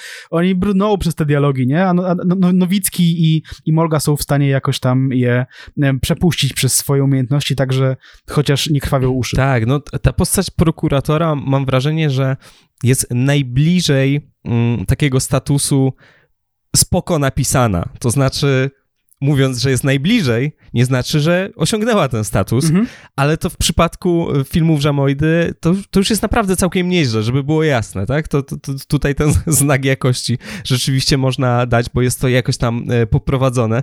No dobrze, jeżeli chodzi o ciekawostki związane z tym castingiem, myślę, że musimy tutaj dojść do bardzo ważnego i bardzo enigmatycznego wątku. Mianowicie filmowa para, o której jeszcze nie wspominaliśmy, mianowicie znany dziś z trochę innych aktywności Redbad Klinstra e, i Justyna Grzybek, czyli filmowi Skaza i Donna. E, to są postaci złe, e, tyle o nich wiemy, tak? Są, ubrane na czarno, cały czas się całują, i no, chodzą z gnatami, nie? Więc, więc są to złe Czyli postaci. Jak my, Mateusz. Je, no tak, tak, no mniej więcej tak jak nasze nagrywanie podcasteksu i Kurwa mać, no y, jakby w ogóle co się wydarzyło? To jest bardzo zaskakujące. To tak a propos tego, co Suszyński wspominał o, yy, o ostatecznej wersji pierwszych Młodych Wilków. Ja nie wiem, czy Żamojda wypierdolił 40 minut materiału, czy ktoś inny to zrobił, ale my zapoznajemy się mm, z tymi postaciami, z Kazy i Donny, e, granymi przez Klynstrę i Grzybek, już na samym początku, tak? Mamy jakiś taki po prostu absurdalny pościg, który jest znowu zmontowany i poprowadzony, napisany tak, że no nie wiem za chuja w ogóle coś tam wydarzyło. E, jest jakiś konwój, jest jakiś mm, gość na ścigaczu, który ten konwój ochrania, jest Dariusz Gnatowski, który kieruje e, ciężarówką, jest Donna na siedzeniu pasażera, która mm, go tam terroryzuje, prawda, i no i poszczeliła go, bo była tam z pistoletem, potem mamy ciężarówkę w poprzek drogi, potem mamy gościa na motorze, który jakby wjeżdża pod tą, e, to wszystko potem wybuchnie, jakby za nie wiadomo o co chodzi, po czym widzimy mm, e, Donnę i Skazę, którzy mówią, a tam, a więc wojna i się całują jest źle i bardzo, bardzo rokowo. I te postaci to są jakieś takie błyski, to są jakieś takie mrugnięcia w tym filmie. One się jeszcze pojawią. E, ale w końcu dostaną bardzo dramatyczną scenę, taką bardzo e, Rodriguezowsko-desperadową tak naprawdę, jeżeli chodzi też o całe tutaj wizualia, tak? To, to mogłaby być Salma Hayek i Antonio Banderas. Jakieś tumany kurzu i wybuch i śmierć i, i obnażona pierś, ale no, zupełnie nas to nie, nie interesuje, bo bo dlaczego mielibyśmy w ogóle się mm, jakoś litować nad postaciami, których kompletnie nie poznaliśmy? To znaczy, my nie wiemy, co oni robią w tej historii. To jest też w ogóle dosyć istotna cecha tego filmu, bo ja to co prawda oglądałem pierwszego dnia COVID-u, że tak naprawdę bardzo, bardzo źle się czułem, ale wydaje mi się, że gdybym to obejrzał jeszcze raz dziś, te kilka dni później, to dalej ta historia nie łączyłaby mi się w całość. To znaczy, mhm. ona jest nasrana scenami, e, jakąś intrygą prawdopodobnie. Tu ten, tu ten, tu jest podstęp, tu jednak to, tu wybucha to, tutaj jest ładunek wybuchowy, tutaj ten, ale kurwa, o co chodzi w ogóle, jakby wiesz, do czego w ogóle zmierzaliśmy, to jest naprawdę mm, bardzo, bardzo duży minus, jeżeli e, piszesz i prowadzisz film w taki sposób, że widz, który może no, prawdopodobnie nie jest najgłupszy na świecie, absolutnie nie wie o co chodziło w tej intrydze. Mhm. Wie tylko, że główny bohater Krzysztof został jednak oskarżony o zabójstwo policjanta i potem trzeba go z tego wszystkiego wywinąć. A wszystko, co się dzieje wokół i ta postać Skazy i Donny, co, co to jest w ogóle? Jakby czemu, czemu poświęcacie im tyle miejsca, skoro, skoro tak naprawdę nie wiemy, jaka jest ich rola w tej całej intrydze? I teraz, proszę Państwa, czas na naszego gościa, czyli, uwaga, Mietrzyński, znaczy to ja mówię, uwaga, no pewnie widzieliście to w opisie, bo się już tym chwalimy, że nasz, jeden z naszych patronów i, i, i super gość i tak dalej, Mietrzyński post, zgodził się dograć swoje dwa słowa na temat Młodych Wilków jedna druga, w ogóle też polecamy jego analizę analizę tego filmu na kanale Mietrzyński, to jest, to jest super rzecz. E, no i co? I, i, i Mietrzyński też nie do końca rozumiał, o co chodzi z tym wątkiem Donny i Skazy e, i też wspomniał o nim, gdy poprosiliśmy go o e, dwa słowa i teraz będzie Mietczyński, a później wracamy. Taką wisienką na torcie filmu Młode Wilki jedna druga jest cały wątek postaci granej przez Redbada Klinstre Komarnickiego, i jego, nie wiem jak to nazwać, gangu. W sensie to też jest taka żomoidowa rzecz e, mocno. Tam jest wątek tych takich złych ludzi, którzy e, dla kogoś pracują i złe rzeczy robią i na końcu oni tam giną i po prostu scena ich śmierci jest zbudowana tak, jakby to był jakiś, nie wiem, jeśli nie najistotniejszy, to jeden z najistotniejszych wątków w tym filmie. Tam jest taka dramaturgia straszna wokół tego budowana i to, i to był dla mnie chyba najśmieszniejszy moment i coś, z czego ten film najbardziej zapamiętałem tam po tych kilku miesiącach. Jeśli będziecie to dzieło oglądać, to yy, polecam właśnie zwrócić na to uwagę, jak dziwnym zabiegiem jest ta historia ludzi, yy, nie mających prawie żadnego wpływu na fabułę, która kończy się no, na, najbardziej dramatyczną sceną. Trochę jak, yy, kurde, nie wiem, przepraszam za kolejną dygresję, ale pamiętam była kiedyś komedia, nie pamiętam teraz dokładnie, czy to było z Leslie Nielsenem jakaś, czy z Majersem, czy, czy no, yy, no jakaś taka prześmiewcza parodia filmów tam e, sensacyjnych, w której e, dokonano takiego zabiegu, że podjęto się w ramach żartu przedstawiania historii rodzin takich typowych najemników, którzy giną w filmach akcji. Że wiecie, jak jest jakiś film akcji, to przeważnie tam główny bohater zabija z 10 minimum najemników, czy tam czasem z 20 czy 50. I w tej komedii ktoś się właśnie pochylił nad tym od tej strony, że no ej, przecież to też są ludzie, nie? I jakby oglądając te filmy, to totalnie o tym zapominamy, że oni mogą mieć, nie wiem, jakieś rodziny i tak dalej, że, że nie są E, zwierzętami. E, I, i to, było całkiem zabawne i trafne e, w tej komedii, a Żamoidzie udało się z tym wątkiem postaci granej przez pana Redbada, udało się zrobić coś podobnego, tylko że znowu niechcący. I uważam, że to jest najbardziej godna odnotowania, odnotowania rzecz, jeśli chodzi o film Młode Wilki. Jedna, druga, sam film jest jak najbardziej do zapomnienia, jest męczący, ciągnie się i nawet nie jest jakiś specjalnie taki memiczny czy śmieszny. Tak, to był, e, to był Mietczyński, dziękujemy bardzo. Postanowiliśmy głębiej troszeczkę wejść w to, jaka miała być rola Skazy i Donny w tym filmie. E, I teraz co się okazało? Okazało się, że duża część marketingu tego filmu, marketingu przedpremierowego i okołopremierowego, była nastawiona na to, żeby bardzo się chwalić tym, że Klinstra i Grzybek e, tutaj się pojawili. I teraz to są dziwne rzeczy. W listopadzie roku 97, czyli dwa miesiące przed premierą Młodych Wilków jedna druga, pojawiło się fotostory w y, miesięczniku Cinema. I to jest takie takie mroczne, dorosłe fotostory, czarno-białe. Zdjęcia wykonał Wojciech Glinka i co tu się dzieje na tych zdjęciach? No oni stoją na jakiejś takiej klatce schodowej, w ogóle sesja się nazywa Windą do piekła i ona raz tutaj udaje martwą na, na podłodze, on tam sprawdza, czy ma tętno i tak dalej. Ona potem go całuje po szyi, rozbierają się. Ona w ogóle ma na sobie taki skórzany, fetyszystyczny stanik, więc tu się po prostu Mateusz dzieją rzeczy. I jeśli ktoś poczuł się zachęcony tym fotostory, żeby pójść do kina na, e, na, na, film Młode Wilki jedna druga, to mógłby się poczuć trochę olany, nie? Mógłby, się, mógłby poczuć, że kurczę, no to, jest coś nie tak, to bo pokazaliście mi te postaci jako takie super istotne elementy filmu, a one zupełnie nie były istotne w filmie, ale też wydaje się, że e, Grzybek, która miała w momencie premiery filmu 17 lat, podobnie jak Anna Mucha, no ona też oczywiście seksualizowana bardziej niż Anna Mucha, no ona pokazuje, no właśnie w scenie śmierci pokazuje piersi, w materiałach promocyjnych z planu też e, jest tam albo porozbierana, albo stoi w staniku i tak dalej, i tak dalej, więc tak generalnie wydaje mi się, że to, że obie te postaci miały być tak zwanymi cool visuals, nie? Że to jest taka rzecz, która się działa trochę w latach 90. w kinie amerykańskim, no wciąż się dzieje przy okazji e, różnych blockbusterów, chyba, chociaż chyba troszkę w mniejszym stopniu. Na przykład jak się, e, jak zajrzymy do marketingu filmu Batman Forever z roku e, 95, to oni się tam bardzo chwalili tym, że mają tam e, postaci e, Sugar i Spice, to są takie pomagierki e, Two-Face'a. Jedną z nich Sugar zagrała, zagrała Drew Barrymore swoją drogą. I one były rzeczywiście w materiałach promocyjnych, chociaż tak naprawdę są tylko tłem.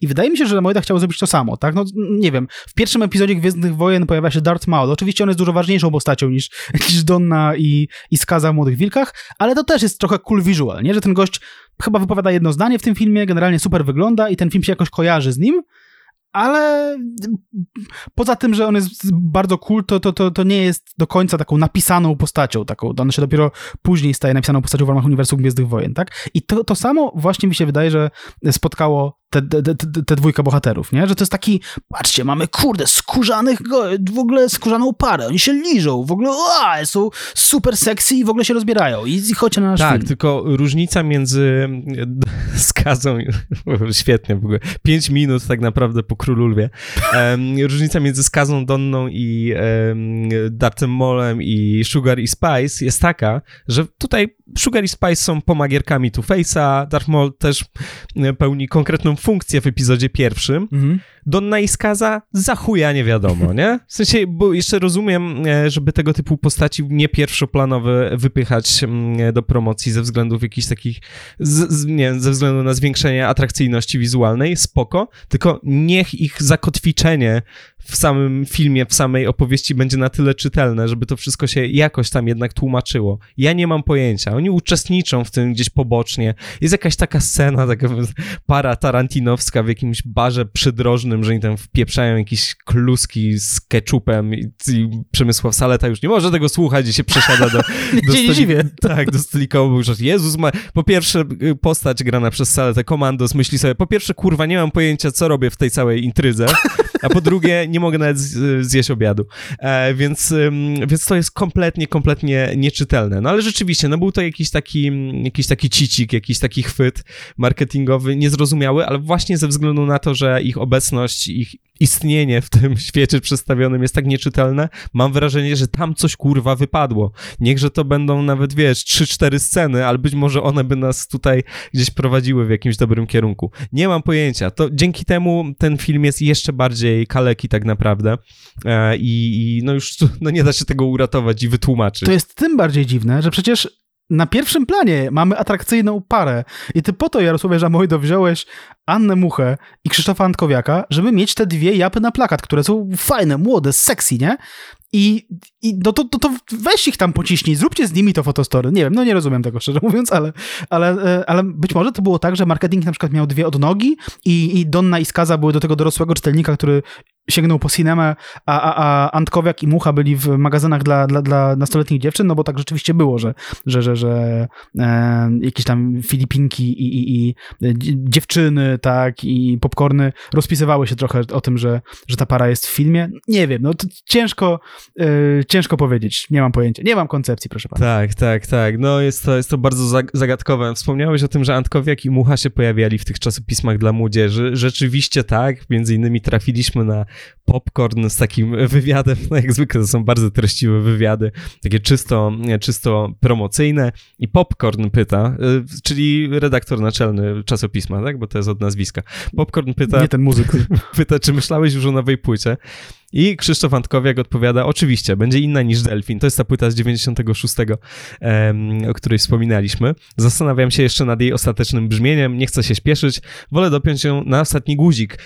Krzysztof Antkowiak wiedział, co mówi. Rzeczywiście nie śpieszył się z tym, bo kolejny jego album ukazał się w roku 2015, o ile się nie mylę. To był album zespołu Simple Fields, który tworzył a tak solowo to chyba dopiero w 2020 i tutaj jest ważna dla tego naszego, powiedzmy, para uniwersum podcasteksowego rzecz, bo ta płyta Antkowiaka z 2020 została nagrana do tekstów księdza Pawlukiewicza. I tutaj przy okazji was odsyłamy w stronę naszego odcinka już sprzed wielu, wielu miesięcy e, pod tytułem Katolicka książka o seksie, o ile dobrze, dobrze pamiętam, więc może, możecie się zapoznać z tym, jaka to jest, to jest postać. Pięknie nam się to tutaj zazębia, no ale fakt faktem Krzysztof Antkowiak nie rzucał słów na wiatr, bo zajęło mu prawie, a właściwie to ponad dwie dekady nagrania nowej płyty. No cóż. Dopinał ten guzik, kurwa, no bez mała to- 20 Te lat. spodnie pękły w tym czasie, bo jednak wiesz, to jest cała, cała epoka. No tak serio, oczywiście to Krzysztof Antkowiak miał ten życiorys e, późniejszy dosyć problematyczny, bo się wkręcił w rozmaite sprawy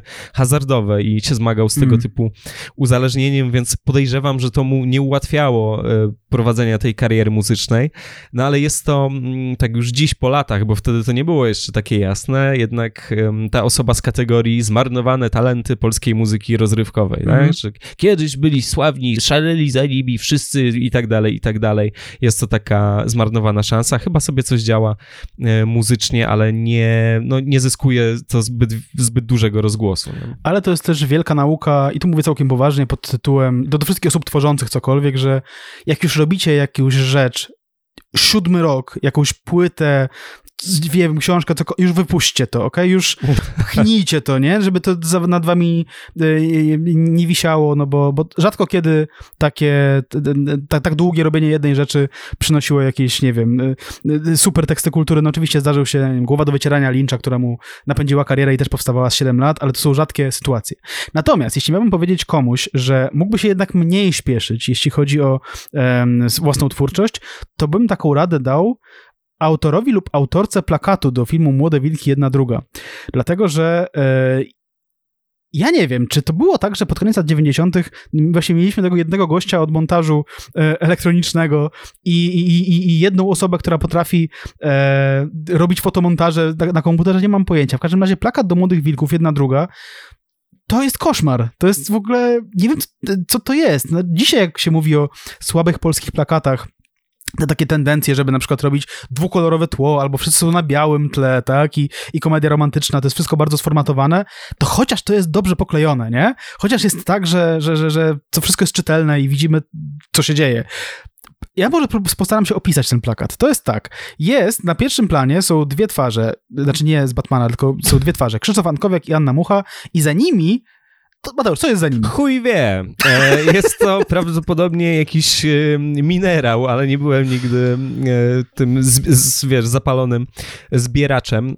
Nie mamy pojęcia, co to jest. To mógłby być wybuch, ale to też nie jest wybuch. Jest to jakiś kształt, jest to coś na, na kształt, nie wiem, podglądu z, z teleskopu, tak jakbyśmy oglądali po prostu coś w ogromnym powiększeniu. Trochę to ma jakiś taki smaczek azjatycki przez to, że to jest, no właśnie, jeszcze pomarańczowo-czerwono-żółte koło, ale przecież też nie ma to nic, kurwa, wspólnego z tym filmem, więc no, nie do końca, nie do końca to wyszło, to znaczy właśnie, pomijając to, że ten mm, plakat wygląda no, nie najlepiej technicznie i że te wszystkie postaci, no nie są jakoś tam e, wyszparowane zbyt zręcznie, tylko są dosyć mechanicznie wycięte, to on przy okazji nam niczego, niczego nie mówi. Mamy tutaj Donnę Skazy i Komandosa w prawym dolnym rogu, tak? Więc również trafili na, na plakat promujący, ale tak poza tym, czy zachęca? No tak sobie, to tak, tak sobie. Jest no. jakiś taki mały Jakimowicz, nie? Tutaj nie wiem, czy, ciekawe, czy, czy Jarosław, biorąc pod uwagę jego ego, miał jakieś pretensje do, do, do, do marketingowców tego filmu, że tak został taki zepchnięty do tego lewego dolnego rogu. Z kolei jest, wspomniałeś, jest komandos na, na, na, na tym plakacie w prawym dolnym rogu, ale jest strasznie rozmazany i ledwo widać, że to jest saleta. I jakby ja nie wiem, no, no jeśli już chcesz mieć tego saletę w filmie i wiesz, że to ściągnie widzów i już go wrzucasz na ten plakat, to wydaje mi się, że ten saleta powinien być widoczny, nie wiem, chociaż z półtora metra, nie? A jakbyś odszedł od tego plakatu, to nic za chuja byś się w ogóle nie domyślił, że to jest saleta, nie? No, nie ma opcji. To chyba na jakichś tylko wielkoformatowych wydrukach dałoby się dostrzec tę twarz. No, no nieważne. No w każdym razie później były jakieś próby, żeby ten plakat po- poprawiać. Było takie wydanie tego filmu dołączane do, do, do, magazy- do, do czasopisma Nai, ale chyba jest jeszcze nie wiem, czy jest jeszcze gorzej, no jest podobnie źle, więc, więc może lepiej już tego nie ruszać, tych młodych wilków jedna druga. Jest podobnie źle rzeczywiście, ale podoba mi się to, bo tutaj rozkmina dotycząca akcji marketingowej, że no to takie bardzo, bardzo poboczne postaci, no to trochę tak jak przy Batmanie, a tu je po prostu plakat zrobiony przez siedmiolatka i jedziemy, nie? Wiesz, nie, nie ma tutaj jakichś półśrodków, to mi, się, to mi się bardzo podoba. No rzeczywiście, jak bierzesz znanego sportowca, no jednak Przemysław Saleta był ulubieńcem mediów, no całkiem długo zresztą, tak? Jako ten taki po prostu inteligentny osiłek. Jeżeli go, go bierzesz do filmu, no nie ze względu na możliwości aktorskie, a potem go, go jakoś tam chowasz, to... No nie, no to y, wydanie z Naj też jest dosyć dosyć mocne, bo tutaj jeszcze wjechała sepia i jakieś takie płomienie. No tutaj mamy już rzeczywiście wybuch w tle. Tutaj wiemy już o co, e, o co chodzi, ale jest to, jest to absolutnie potworne i dzięki temu urocze, bo jednak takie nasze, takie, takie swojskie, że trochę Renault, a trochę Jelcz, nie? To wracając do, do sponsorów tego, tego filmu. No jeżeli chodzi o cały ten background marketingowy, no to trzeba wspomnieć oczywiście o, o muzyczce. No, zachował się jakiś taki stary wywiad który powstał jeszcze przed premierą Młodych Wilków, jeszcze przed rozpoczęciem zdjęć do Młodych Wilków jedna druga. E, Jolanta Fajkowska rozmawia z Jarosławem Żamojdą i Robertem Jansonem. Robert Janson prawdopodobnie nie wyspał się wtedy, prawdopodobnie nie spał od jakichś mm -hmm trzech dekad, tak, tak to mniej więcej e, wygląda i Jolanta, Jolanta Fejkowska to jest niesamowite. Mamy, mamy tutaj screen przed sobą, więc przepraszamy, nie? nie będziemy się śmiać z takich rzeczy, ale będziemy. No i Jolanta Fajkowska tam pyta, no to wielki sukces, ścieżka dźwiękowa też przecież doskonale się sprzedała, czy, czy ta współpraca będzie kontynuowana, że jak rozumiem, to Robert Jansson też napisze e, muzykę do, e, do kolejnej części, tak? W ogóle to jest świetna rozmowa, bo Jolanta Fajkowska mówi, że no z tego co wiem, to zdjęcia zaczną się latem tego roku, tak? A Żamojda mówi, że nie, nie, on się zaczną wiosną, tam w maju, w czerwcu albo w lipcu. Także jakby tutaj, jeśli chodzi o kalendarz, sporo rzeczy się popierdoliło, natomiast Jarosław Żamojda też no, udziela jakiejś takiej wymijającej odpowiedzi na to pytanie o udział Roberta Jansona w tworzeniu tej um, ścieżki dźwiękowej. No i rzeczywiście tutaj mamy już zupełnie inną historię, ale jakże podobną, no bo z jednej strony mamy te gorące nazwiska, gorące zespoły, mamy mamy ONA, numer mimo wszystko, mamy znany wcześniej numer, kiedy powiem sobie dość. E, mamy Atmosphere, czyli to jest zespół e, Marcina Rozynka, mhm. o którym rozmawialiśmy przy okazji One Hit Wonders zerówkowych. Mamy Myslowic, o których powiemy za chwilę nieco więcej, bo to jest ciekawy wątek, ale mamy też artystów zagranicznych, którzy wtedy byli naprawdę całkiem popularni, tak? Mówię tutaj o Apollo 440 na przykład.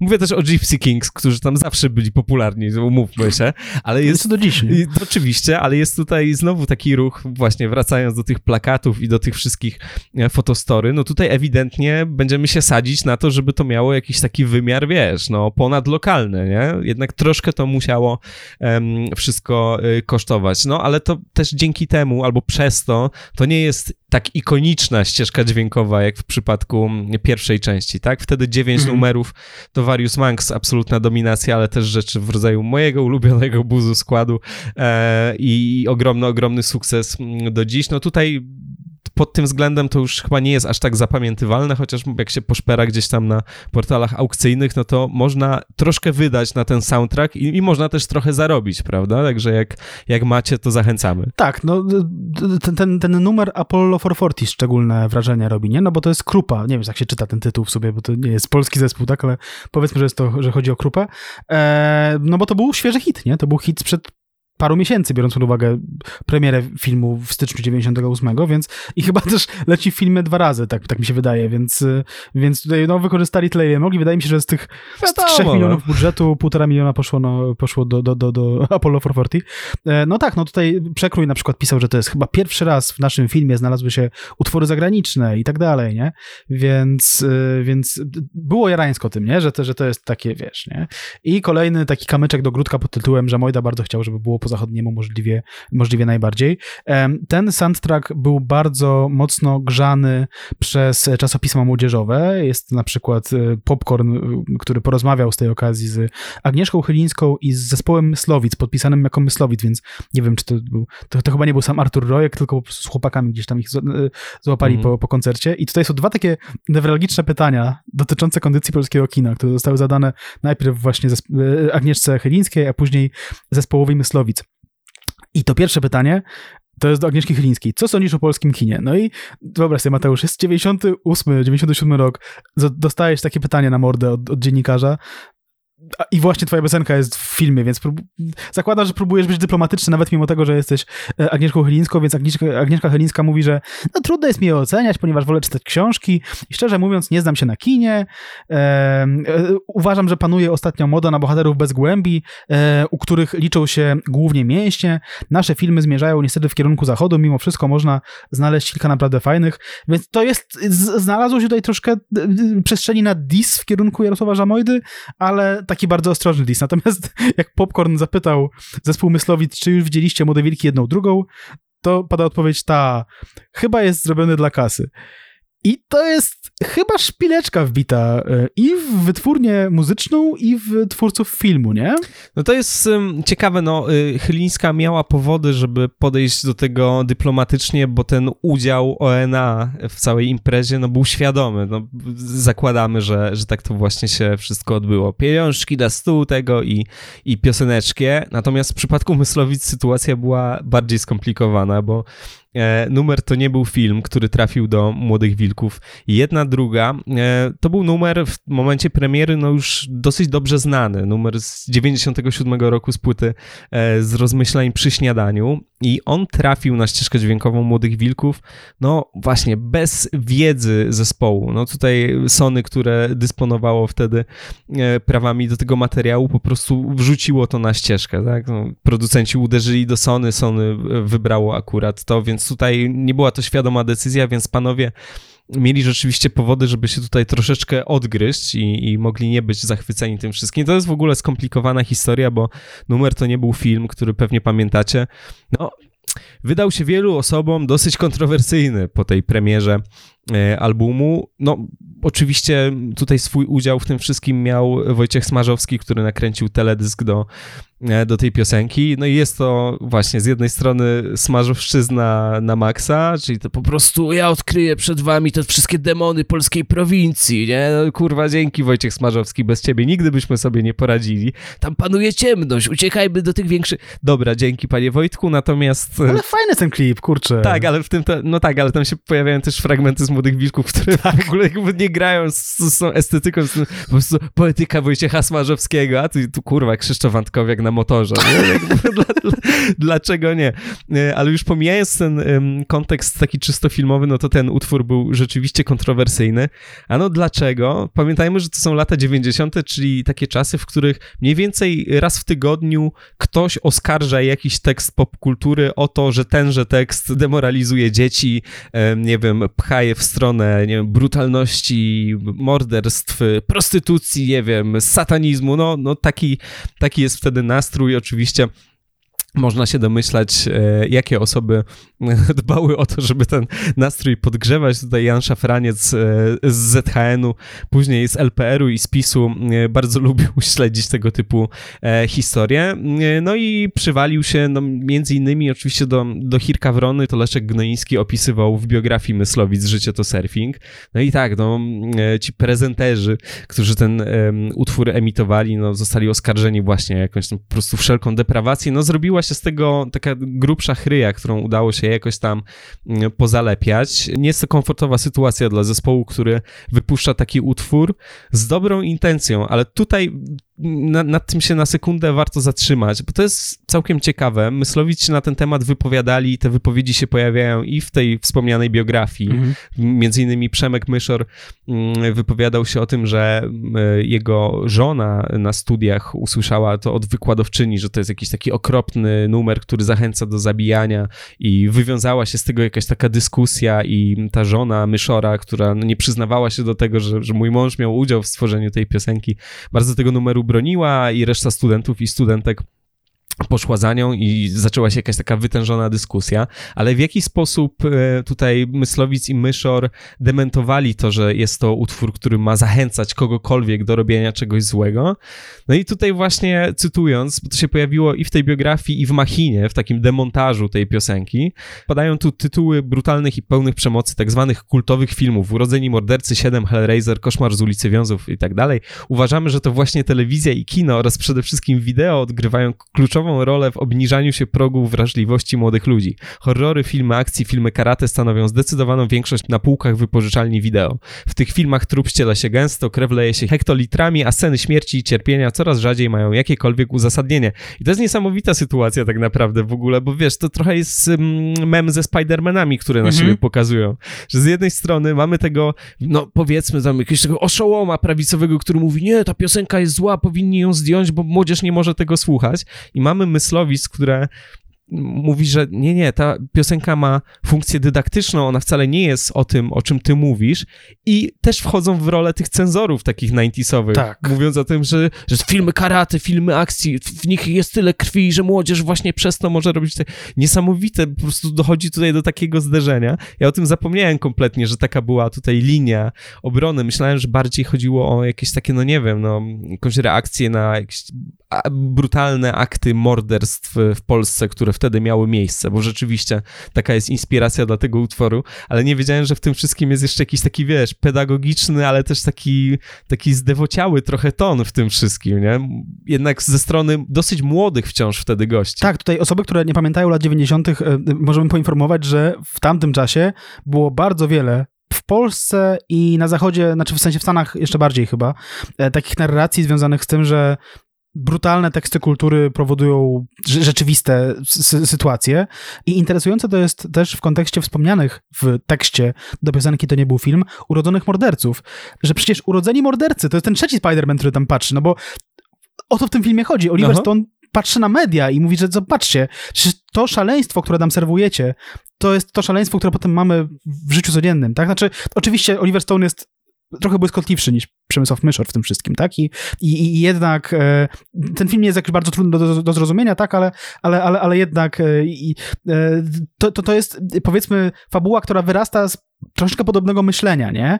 I, I wszyscy na siebie wskazują i ten na końcu jest ten, po prostu ten, ten smutny senator, już wtedy, wtedy były i przyszły senator, bo akurat w tamtej kadencji która była wtedy, kiedy była ta piosenka, miała premierę, e, go nie, nie, nie było go w Senacie i jest ten smutny senator Szafraniec, który, który po prostu jako ten, ten, ten, ten senior, ten, ten Nestor powiedzmy wstaje i mówi czekajcie, ale ta piosenka jest tak brutalna, że zaraz cholera wie co będzie, ludzie będą chodzili i mordowali, nie? O Jezu, nie, ale, ale faktycznie, to jest e, ta, ta, ta motywacja, e, którą przyjął Myszor, ja nie wiem, czy ona nie jest reakcją na inbę, no bo to jest łatwa droga ucieczki, nie?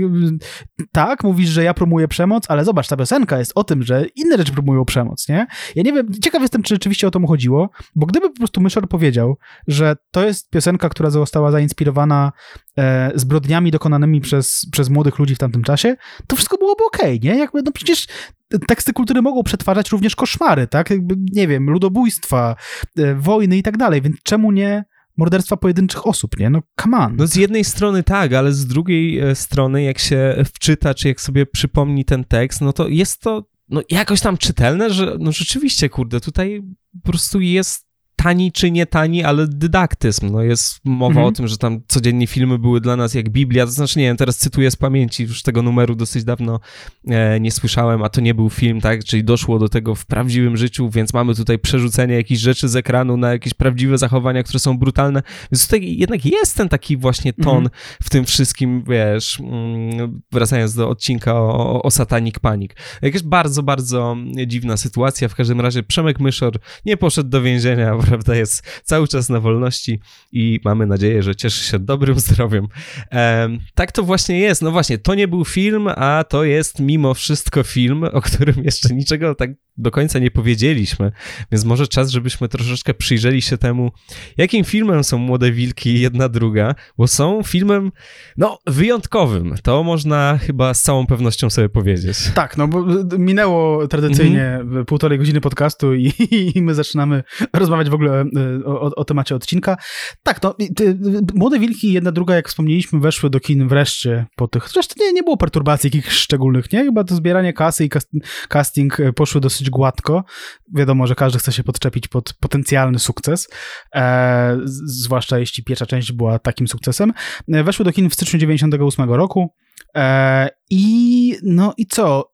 W stosunku do pierwszej części, jakbym ją ocenił, no je- jedynka była dużo spójniejsza i chyba była też mroczniejsza, w takim znaczeniu okrutniejsza dla, dla, dla bohaterów, nie?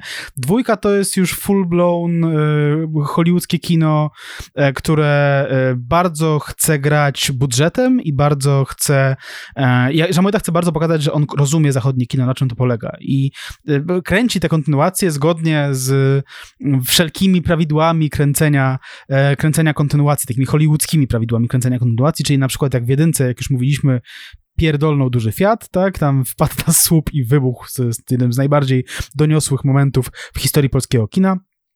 Tak w dwójce, nie dość, że w dwójce wysadzają y, tira, to jeszcze wysadzają go na samym początku. I muszę powiedzieć, tak nieironicznie, że to jest całkiem zajebista eksplozja. W sensie fajnie to wyszło. To jest spoko rzecz. Jedna z fajniejszych, to rzeczywiście jest chyba jedna z fajniejszych eksplozji w polskim kinie.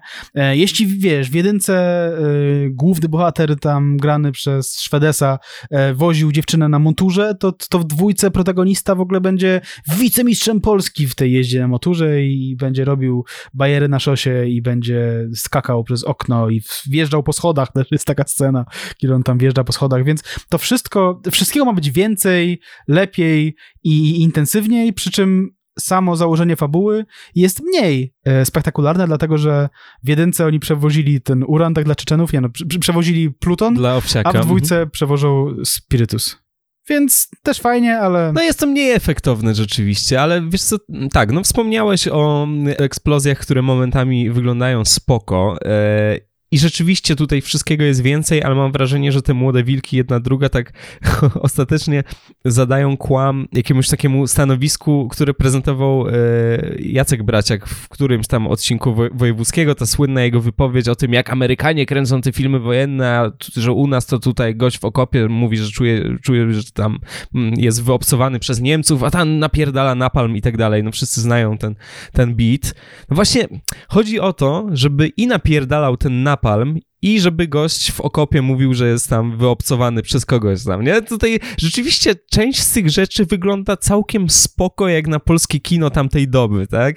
Jeżeli wysadza się ogromną ciężarówkę w początkowych scenach i wysadza się ją e, w dosyć taki udany sposób, no to nieźle, jest nieźle technicznie, natomiast w tym filmie nie ma zbyt wiele więcej, to znaczy te wybuchy nie towarzyszą czemuś, co by było w jakikolwiek sposób angażujące dla widza, przynajmniej takie jest oczywiście e, moje odczucie w tym wszystkim. Ta historia nie wciąga, bo jest źle poprowadzona tak czysto warsztatowo, no to jest film źle napisany, e, bardzo często źle zmontowany, no i chuj, że mi wysadzisz tam kolejną bramę tam gorzelni w Hamburgu, czy coś tam.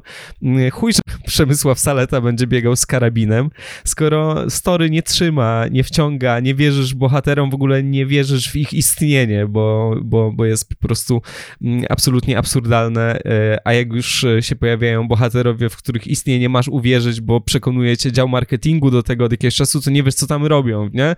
Więc właśnie więcej nie znaczy lepiej, jeżeli nie ma tutaj czegoś, co by mm, e, no, dawało po prostu tutaj background dla wszystkich wszystkich tych takich, e, nie wiem, technicznych, pirotechnicznych błyskotek. No. Tak, a przy okazji sama historia jest dość głupia. Oj tak. E, nie, żeby w jedynce była super mądra i nie, nie, mam na myśli głupoty takiej w stylu kina akcji, bo nie wiem, mhm. osobiście bardzo lubię kino akcji i też czasami lubię głupie filmy po prostu, tak, które nie są szczególnie skomplikowane, ale ona jest głupia dlatego, że w bardzo wielu momentach każe nam po pierwsze uwierzyć w to, że coś się wydarzyło, bo się wydarzyło, bo był taki przypadek, tak akurat się zeszło i no cóż, tak akurat się zdarzyło, więc przestańcie się dopierdalać widzowie, a z drugiej strony każe nam wierzyć w to, że bohaterowie mają powód, żeby um,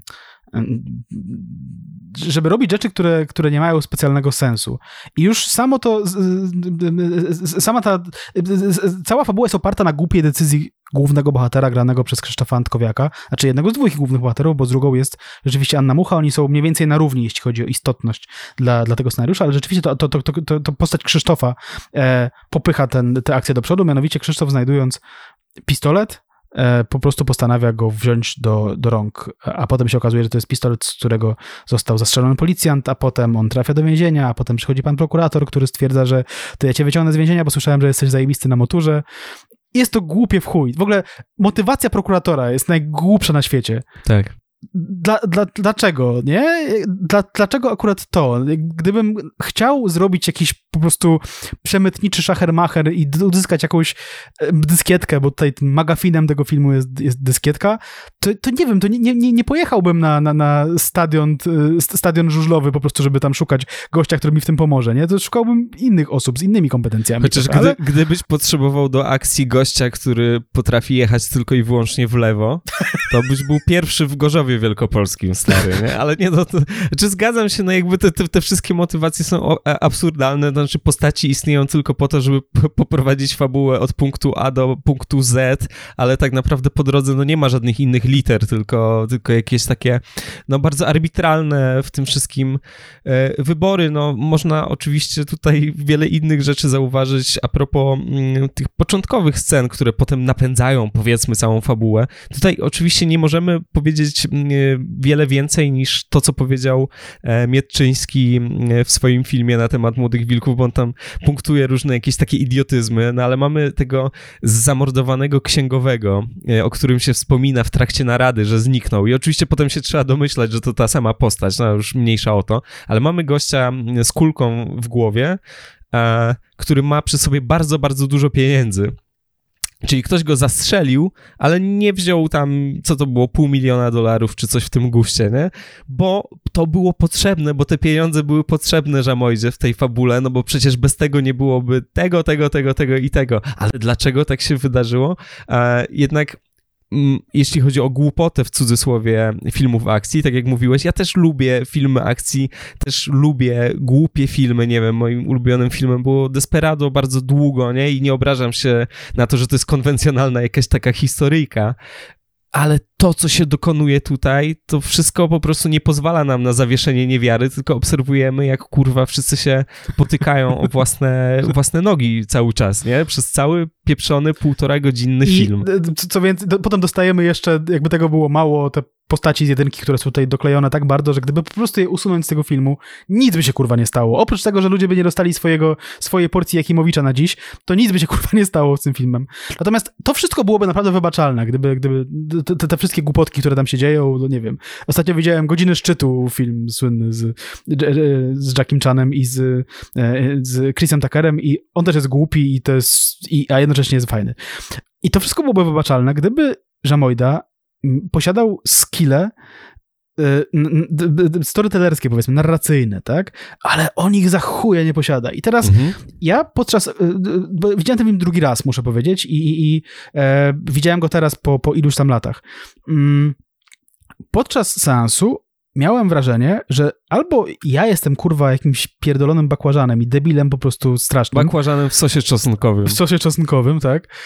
Albo ten film jest nieczytelny nie? Mhm. Um, I te, ta, ta nieczytelność jest, jest, jest widoczna jak na dłoni już od pierwszej sceny. E, Żamojda nie potrafi mm, powiedzmy skupić się na akcji, tak jak skupiają się na akcji no właśnie, nie wiem, mistrzowie e, scen sensacyjnych, tacy jak, nie wiem, Michael Mann, tak? Jak, jak, robisz scenę sensacyjną, to ona musi być czytelna montażowo, narracyjnie, lokalizacyjnie, tak? W sensie musisz wiedzieć, gdzie się kto znajduje, z jakiego powodu, gdzie jedzie, dlaczego i tak dalej, i tak dalej. Już w pierwszej scenie, już po pierwszej scenie widać, że ten film to jest jeden wielki bałagan, dlatego, że e, w dużym skrócie, ja próbowałem sobie ją rozpisać po prostu, na czym ona polega w filmie, tak? E, I najpierw gość uprawia seks z dziewczyną, czego nie widzimy, bo to jest pod napisami początkowymi. E, dostaje telefon, widocznie gdzieś musi pojechać, wyjeżdża motorem, jedzie, wyjeżdża na szosę, mija grupę seksworkerek z jakiegoś powodu, one w ogóle nie są istotne dla tego. E, celnicy zamykają przed nim szlaban, rozgląda się jeden gość wokół, widzi sznur samochodów, ale nie wiadomo, gdzie ten sznur samochodów jest. E, dzwoni do, do kierowcy tira, który znajduje się gdzieś tam w trasie i ten, tym kierowcą tira jest pan Boczek, czyli Dariusz Krantowski. E, dzwoni i mówi, Holender, zgłoś się, Holender.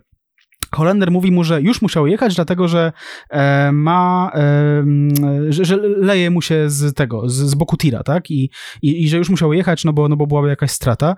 E, I ten mu mówi motocyklista, że słuchaj, ty się nie możesz w ogóle zatrzymywać, dlatego że dlatego, że, że nie, nie, możesz nikogo wziąć do siebie, bo, bo z, z, grozi jakieś niebezpieczeństwo, chłopaki już tutaj poginęli, dwa konwoje były wcześniej i coś tam, nie? I tu się Gnatowski y, y, spostrzega, że o cholera, ja tutaj mam, wziąłem właśnie kogo? Wziął Donnę, czyli tę dziewczynę, o której wcześniej rozmawialiśmy, która nie pojawi się aż do trzech czwartych filmu później, tak? E, Gnatowski ginie, tamten w ogóle motocyklista z, z, wykręca spod tego, spod tego szlabanu i jedzie z powrotem, nie wiadomo gdzie. Nagle za tym motocyklistą za, zawraca jakiś samochód i ten samochód w ogóle się nie pojawia już nigdy później, tak? Nie wiadomo w ogóle o co chodzi z tym zawracającym samochodem. I over, ha, i dojeżdża na miejsce motocyklista, zderza się ze stojącą w poprzek ciężarówką, którą jechał Gnatowski, po czym to wszystko wybucha. Nie ma to specjalnego sensu narracyjnego, dlatego że ta scena jednocześnie podaje zbyt mało informacji i zbyt dużo informacji, nie? Że z jednej strony my nie wiemy do końca, kim jest ten motocyklista. Możemy wywnioskować, że to, że to ma być gościu, który tam ochraniał konwoje i tak dalej, ale nie wiemy tego do końca, nie? Nie wiemy, dlaczego ciężarówka e, wyjechała wcześniej. To się wyjaśnia we wspomnianej wcześniej książce, będącej e, nowelizacją tego scenariusza, czyli tam jest powiedziane, że on po prostu czekał na niego, ale nie mógł dłużej czekać. To wciąż jest chyba głupie, ale, ale, ale chociaż to się wyjaśnia, nie? Tam się dzieje strasznie dużo rzeczy, które odwracają uwagę widza od tego, co się dzieje, a tak naprawdę pomysł na tę scenę jest strasznie prosty. Chodziło o to, żeby wysadzić ciężarówkę ze spirytusem. I to tyle. Musisz opowiedzieć tę scenę tak, żeby doprowadzić do tego zajebistego wybuchu tira. Bo wybuch jest zajebisty, ale to, co się dzieje wcześniej, to, co ma do niego doprowadzić, jest zupełnie absurdalne. I tego rodzaju momentów jest strasznie dużo w tym filmie. Takich, które są zupełnie zamotane i jeśli oglądasz film, który ma być teoretycznie prostym kinem akcji dla młodzieży, czyli nie ma być jakimś formalnym odjazdem, jakimś arthouse'em, slow cinema i tak dalej. I co drugą scenę musisz się zastanawiać, masz taką 10 sekund, czekaj, to o to chodzi? A, w ten sposób, no okej. Okay. Tak. To, to jest męczące e, doświadczenie filmowe. Tak, no właśnie on jest tak na, na, na, takim, nie wiem, e, najbardziej prostolinijnym warsztatowym poziomie, bardzo, bardzo, bardzo nie, niedopracowany. Do tego dochodzi jeszcze pewien rodzaj jakiegoś takiego plot armoru, takiej no, zbroi fabularnej, niekoniecznie takiej, która chroni przed śmiercią. Ten wątek związany ze śmiercią to jest w ogóle osobna rzecz, jako że mamy tutaj prequel i tych bohaterów z Młodych Wilków, to ich perypetie są też trochę takie mało angażujące, no bo wiemy, że oni przeżyją, ale to już tak na marginesie ale postać grana przez Annę Muchę, tutaj long story short, ona, żeby pomóc temu swojemu ukochanemu, musi się zbliżyć do tej ekipy młodych wilków, tak, musi się dowiedzieć, gdzie oni jadą po spirytus, do jakiej gorzelni, bla, bla, bla i w tym celu e, oszukuje Cichego, że jest jego siostrą, tam jakąś nie, zaginioną, przyrodnią, cokolwiek. I okej, okay, to, że Cichy w to wierzy, albo że udaje, że w to wierzy, chce w to wierzyć, jeszcze dałoby się wytłumaczyć. Ta postać sama mówi, że zawsze chciał mieć siostrę, okej, okay, nie? Więc po prostu stwierdził, no dobra, taka, no, będę się opiekował taką młodszą koleżanką w taki bardzo platoniczny sposób, tak? To będzie moja siostrzyczka, bo zawsze chciałem mieć młodsze rodzeństwo. Ale to, że reszta tej ekipy stwierdza, no spoko, spoko, no niech ona z nami jedzie na nielegalną akcję, podczas której będziemy, kurwa, przemycać hektolitry spirytusu. To jest jakiś nonsens kompletny, nie? I to, to właśnie mm, to, o czym mówiliśmy, że tutaj jakieś takie pojedyncze ruchy, że one są tylko i wyłącznie podporządkowane jakiejś takiej głównej osi, nawet jeżeli na poziomie logicznym się rozpieprzają, no, co chwilę, nie? Mamy też jeszcze jakieś absurdalne decyzje, takie czysto operatorskie, jeżeli chodzi o, wydawałoby się, istotne momenty w filmie, gdy Anna Mucha zostaje wydawałoby się zasztyletowana w pewnej scenie, ale potem się okazuje, że miała książkę pod pazuchą i że nóż się wbił w tę książkę, a w tejże książce znajdowała się wspomniana dyskietka, która jest tutaj istotna dla całej intrygi. E, no i tak, i rzeczywiście prokurator to widzi, wyrzucają tę dyskietkę, mówią, że to śmieć.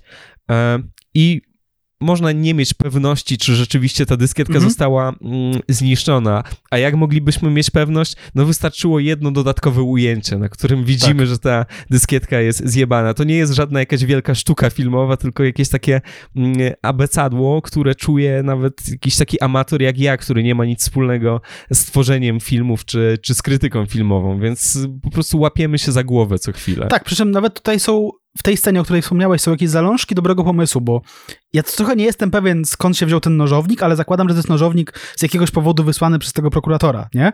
I jeśli tak jest, no to to jest nawet tak dramaturgicznie spoko pomysł, że, że ten prokurator, który tylko bije się o tę dyskietkę i to jest jedyne na czym mu zależy, przez swoją kombinatorykę, przez swoje, sw swoje okrucieństwo na końcu traci, tak? I, i, i jednak tej dyskietki, dyskietki nie dostaje. Ale to jest mało czytelne przez to, że właśnie zabrakło tego jednego pierdolonego ujęcia, które swoją drogą jest opisane w książce Młode Wilki, jedna druga. Jest napisane tak. Lolo wyrwał z, z jej ręki książkę, sama otwarła się w miejscu, gdzie leżała dyskietka. Lulu, Lolo uniósł ją w górę. Lolo to jest ten y, y, y, pomocnik prokuratora. Mhm. Dyskietka miała w, w, sobie szeroką szczelinę po nożu. Dyskietka to śmieć, pokazał prokuratorowi Lolo. Tego nie widać w filmie. Ta dyskietka w ogóle w filmie, na tym ujęciu, gdzie ona jest widoczna, wygląda jakby była cała, więc, więc no, a, a przy okazji, no właśnie, ta scena jest też idealnym przykładem tego, że Żamojda wprost uwielbia um, tworzyć bardzo skomplikowane sceny, które są troszkę zbyt skomplikowane jak na jego umiejętności reżyserskie. E, jakiś czas temu rozmawiałem z osobą, która w ogóle e, e, ogląda mało filmów i, i, i, wiedziała, że oglądam dużo i po prostu zapytała, zadała mi takie pytanie gdzieś na piwie, że w sumie co robi tak konkretnie reżyser? Po co jest reżyser? Nie, nie jestem reżyserem jakimś tam mędrcem, ale, ale zadała mi takie pytanie, no i wydaje mi się, że Młode Wilki jedna druga to jest totalna odpowiedź na to, po co jest, na pytanie, co to, po, po co jest reżyser, tak? Bo możesz mieć scenariusz, który nawet uściśla pewne, e, pewne sytuacje i na papierze wszystko wygląda dobrze, ale to, jak to pokażesz, w jaki sposób i co pominiesz, jakie, jakie ujęcie powinno wejść, jakie nie, to jest clue tego wszystkiego. No właśnie po to jest kurwa reżyser, żebyś był w stanie rozczytać intencje e, i, przesłanie filmu. Tak, no Żamojda jest tutaj trochę takim nieobecnym ojcem, nie? że po prostu, no niby to jest moje, no ale um, i rzeczywiście tutaj jakaś taka ręka i prowadzenie, mm, one by się przydały. To też widać um, w przypadku jakichś takich, wydawałoby się, świeżych decyzji związanych z tym, w jaki sposób mają mówić aktorzy i aktorki, tak? Tutaj Żamojda sam przyznawał, że tutaj nie było było do końca takiego po prostu żelaznego scenariusza, że macie mówić to, to, to i to. Tu nie było jakiegoś takiego przywiązania do liter, tylko sobie jakoś tam improwizujcie, bo oczywiście tutaj w jednym wywiadzie się powoływał na to, że na, no, na zachodzie to cały zespół pisze te dialogi, my nie mamy takich możliwości, a chodzi o jakąś taką swoistość języka. I przez tę swoistość, którą chciał rzekomo uzyskać, często te mm, rozmowy są bełkotliwe. No, to, że niektóre kwestie są drewniane, to jedno, ale to, że mm, aktorzy nie wchodzą ze sobą za bardzo w kontakt, że rzucają jakieś takie rzeczy, które gdzieś znikają na wietrze, że widać ewidentnie, że próbowali to zaimprowizować, a ta scena jest jakaś taka po prostu sucha, jakaś taka w ogóle niezmierzająca donikąd, no to okazało się, że ten świeży pomysł um, scenariuszowy, no, był, był, był tutaj tak naprawdę wrogiem Żamojdy. No, jakichś takich bardzo dziwnych decyzji jest więcej. No, no nie, chyba nie wspominaliśmy o tej takiej początkowej scenie na plaży, pewnego rodzaju, nie wiem, hipisowskiej, ale też trochę demonicznej orgii, jakiś typ o coś rzępoli na gitarze akustycznej, dziewczyny w bikini zakładają sobie kaski motocyklowe na głowę i to ma być dziwne, to ma być efekt jakiejś takiej dziwności, ale za cholerę nie wiadomo też, co oni robią na tej plaży. Za chwilę mm, y, Krzysztof i Anna tam zaczynają się tarzać na piasku i zauważają tajemniczy samochód, ale zauważają go dopiero kiedy się położą, bo jak stali, to go nie widzieli. No jakby no zajebiście to jest wszystko niedopracowane, że mm, można odnieść wrażenie, że to jest jakaś taka po prostu sytuacja trochę, wiesz, Tommy Wiseau, nie? Że jakby stary, no robisz, jakby każda twoja decyzja sprawia, że ten film jest śmieszny, ale w niezamierzony sposób, no bo to, to jest śmieszniejszy film niż jedynka pod tym względem, ale to też nie dlatego, że Żamojda obrał jakiś taki po prostu komediowy kierunek, tylko dlatego, że ten film jest tak czysto technicznie dużo, dużo gorszy. Tak, mi się bardzo podoba w tej scenie, tej, tej takiej właśnie hipisowsko-harlejowej tak naprawdę trochę na, na plaży. Bardzo podoba mi się sposób, w jaki Jarosław Żamojda romantyzuje policję konną. To tam, tam kunie idą tak. wzdłuż brzegu i tam jest ten zachód słońca i to jest chyba jedyny raz w historii kina, kiedy kiedy to są policjanci, nie? No bo oni tam się pojawiają na koniach. Tak, tak, tak. tak. E, no, to są, to są bardzo śmiałe wybory estetyczne. Podobnie jak śmiałym wyborem estetycznym jest rekwizyt, o którym, e, o którym wspomniałeś e, tajemniczo wcześniej i tym rekwizytem jest bomba, która ma wbudowany zegar, tak, więc tam tyka, nie? I ta bomba ma, ta bomba jest de facto puszką Pepsi i to tykanie jest reprezentowane przez, e, e jak się nazywa, kluczyk, tak, od, od tej puszki. Taka zawleczka kluczyk. Zawleczka od, od puszki, która tyka jak, jak zegar rzeczywiście. I teraz e, oczywiście, że Pepsi tutaj e, miało coś do powiedzenia, dlatego że chyba jest, jest przynajmniej jeszcze jedna scena, w której Pepsi się pojawia jako, jako banner, po prostu tam bohaterowie przejeżdżają obok baneru Pepsi.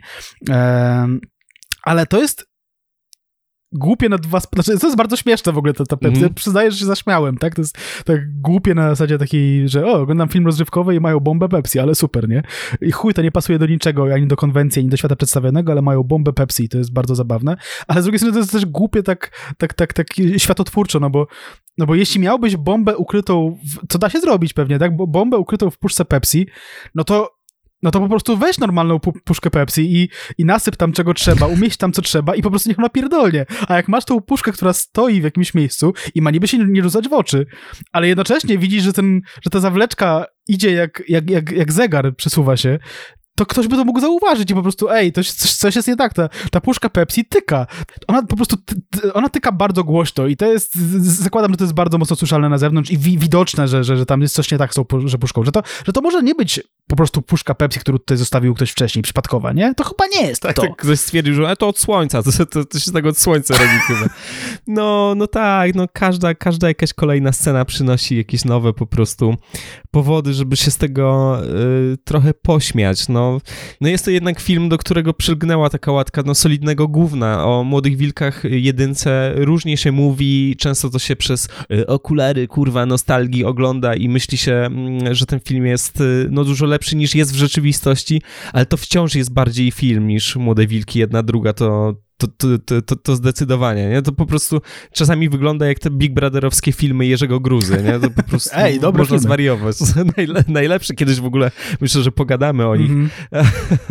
I, i, I być może wtedy powiemy, że to jest najgorszy film, o jakim rozmawiamy w podcasteksie, ale na razie, na razie to są Młode Wilki, jedna, druga. Tak, no i no tak, no jest, można by długo wymieniać sceny, na przykład, nie wiem, bardzo doceniam to, że jest pokazane niemieckie biuro w którymś momencie tam chyba przy granicy i w tym niemieckim, nie, nie przy granicy, tam chyba w Hamburgu czy gdzieś, nie? I w tym niemieckim biurze e, jest jodłowanie w tle. Jako, to jest taka muzyka, którą słucha niemiecki, nie wiem, urzędnik czy, czy jakiś pracownik biurowy, tak. nie? Niemcy po prostu słuchają jodłowania przez cały dzień. Albo Rammstein, albo, albo jodłowanie. Po prostu jak się ma współlokatora Niemca, to nie można z nim wytrzymać, bo, bo, bo już naprawdę. Albo kupujesz mu na prezent słuchawki bezprzewodowe, bo już po prostu pierdolca dostajesz. E, no i to wszystko jest posypane właśnie tymi chujowymi dialogami, które albo są w połowicznie improwizowane, albo są, zakładam, że napisane tak źle. No właśnie tam jest taki moment, kiedy Suszyński ma taką wiązankę, którą puszcza do, do, do, do Ani granej przez Andę Muchę. Modlisz się czasem? Pal gumę. To, to mówi do, do jakiegoś podrywacza. Pal gumę, koleś. Stoisz tak sobie, co? Mówi do Andy. Oglądasz się, lubisz patrzeć? Siadaj, lalka. To są rzeczy, które już wtedy to nie był młodzieżowy język. To był młodzieżowy język w okolicy y, międzywojnia prawdopodobnie, i, a i może wtedy dzieciaki by się pukały. Co? Kurwa, co ty odpierdalasz? Lamusie. nie, jak tam mówię dzieciaki? Tak, tak, tak, tak. Że to nie jest 1863 człowieku, powstanie styczniowe się już skończyło. No, no tak, tak, tak, tak. No właśnie widzisz, no z jednej strony ma być strasznie, strasznie młodzieżowo. No ale dobra, wracając tutaj do nostalgii, my jesteśmy bardzo starzy, nasz gość jest stary trochę mniej. A to też nie najmłodszy, prawda? Tutaj z całym, z całym szacunkiem. E, więc posłuchajmy może naszego gościa, który odniósł się do tego, z czym mu się też te pierwsze Młode Wilki kojarzą i jak ocenia ten prequel, o którym e, dzisiaj rozmawiamy, a my za parę minut wracamy. Jeśli chodzi o moje wrażenia z filmu Młode Wilki...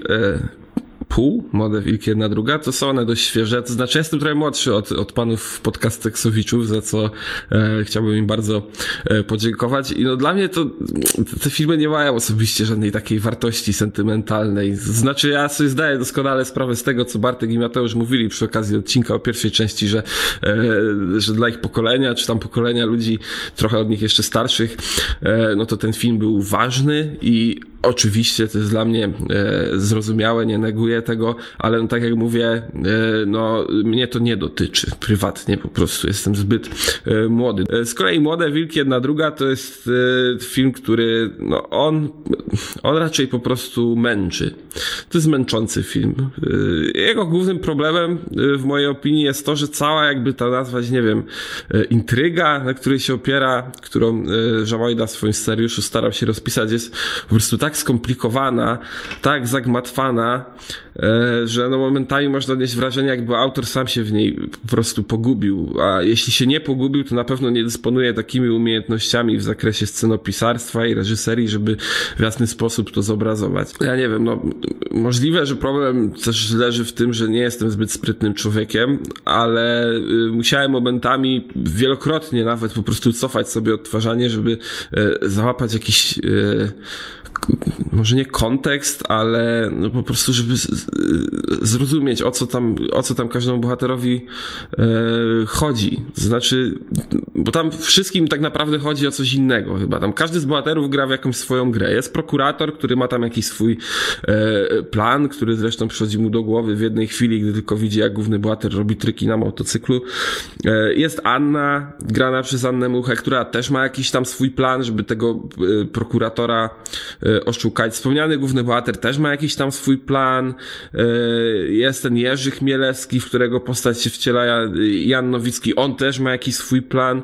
Są ci policjanci, którzy na początku znajdują te, te pieniądze w tej walizce i zabijają tego trzeciego dobrego policjanta. Oni też jakiś tam swój plan mają. Po prostu każdy tam ma jakiś swój plan, każdy tam chce coś swego ugrać i, i wydaje mi się, że momentami to wszystko się po prostu tak gmatwa, że nie sposób e, tego zrozumieć. Każdy tam chce każdego oszukać, i, a wszystko się opiera tak naprawdę na jakimś takim totalnym przypadku. I oczywiście kino ma to do siebie, że bardzo często musi korzystać z przypadków oraz e, zbiegów okoliczności, żeby tam stworzyć jakąś ciekawą historię. No to jest jak najbardziej e, zrozumiałe, ale no, myślę, że zawsze istnieje ta granica, po której przekroczeniu widz zaczyna wyczuwać ściemę i po prostu e, zaczyna myśleć o tym, że ogląda film. Ja tak przy, przynajmniej mam. Dla mnie często jest tak, może to uproszczone to, co powiem, ale dla mnie wyznacznikiem dobrego filmu jest to, że po prostu jak oglądam film i nie myślę o tym, że oglądam film, no to dla mnie film e, wtedy przeważnie jest dobry. A jak oglądam film i po prostu cały czas myślę o tym, że oglądam film, zdaję sobie z tego sprawę, no to film nie jest e, najlepszy.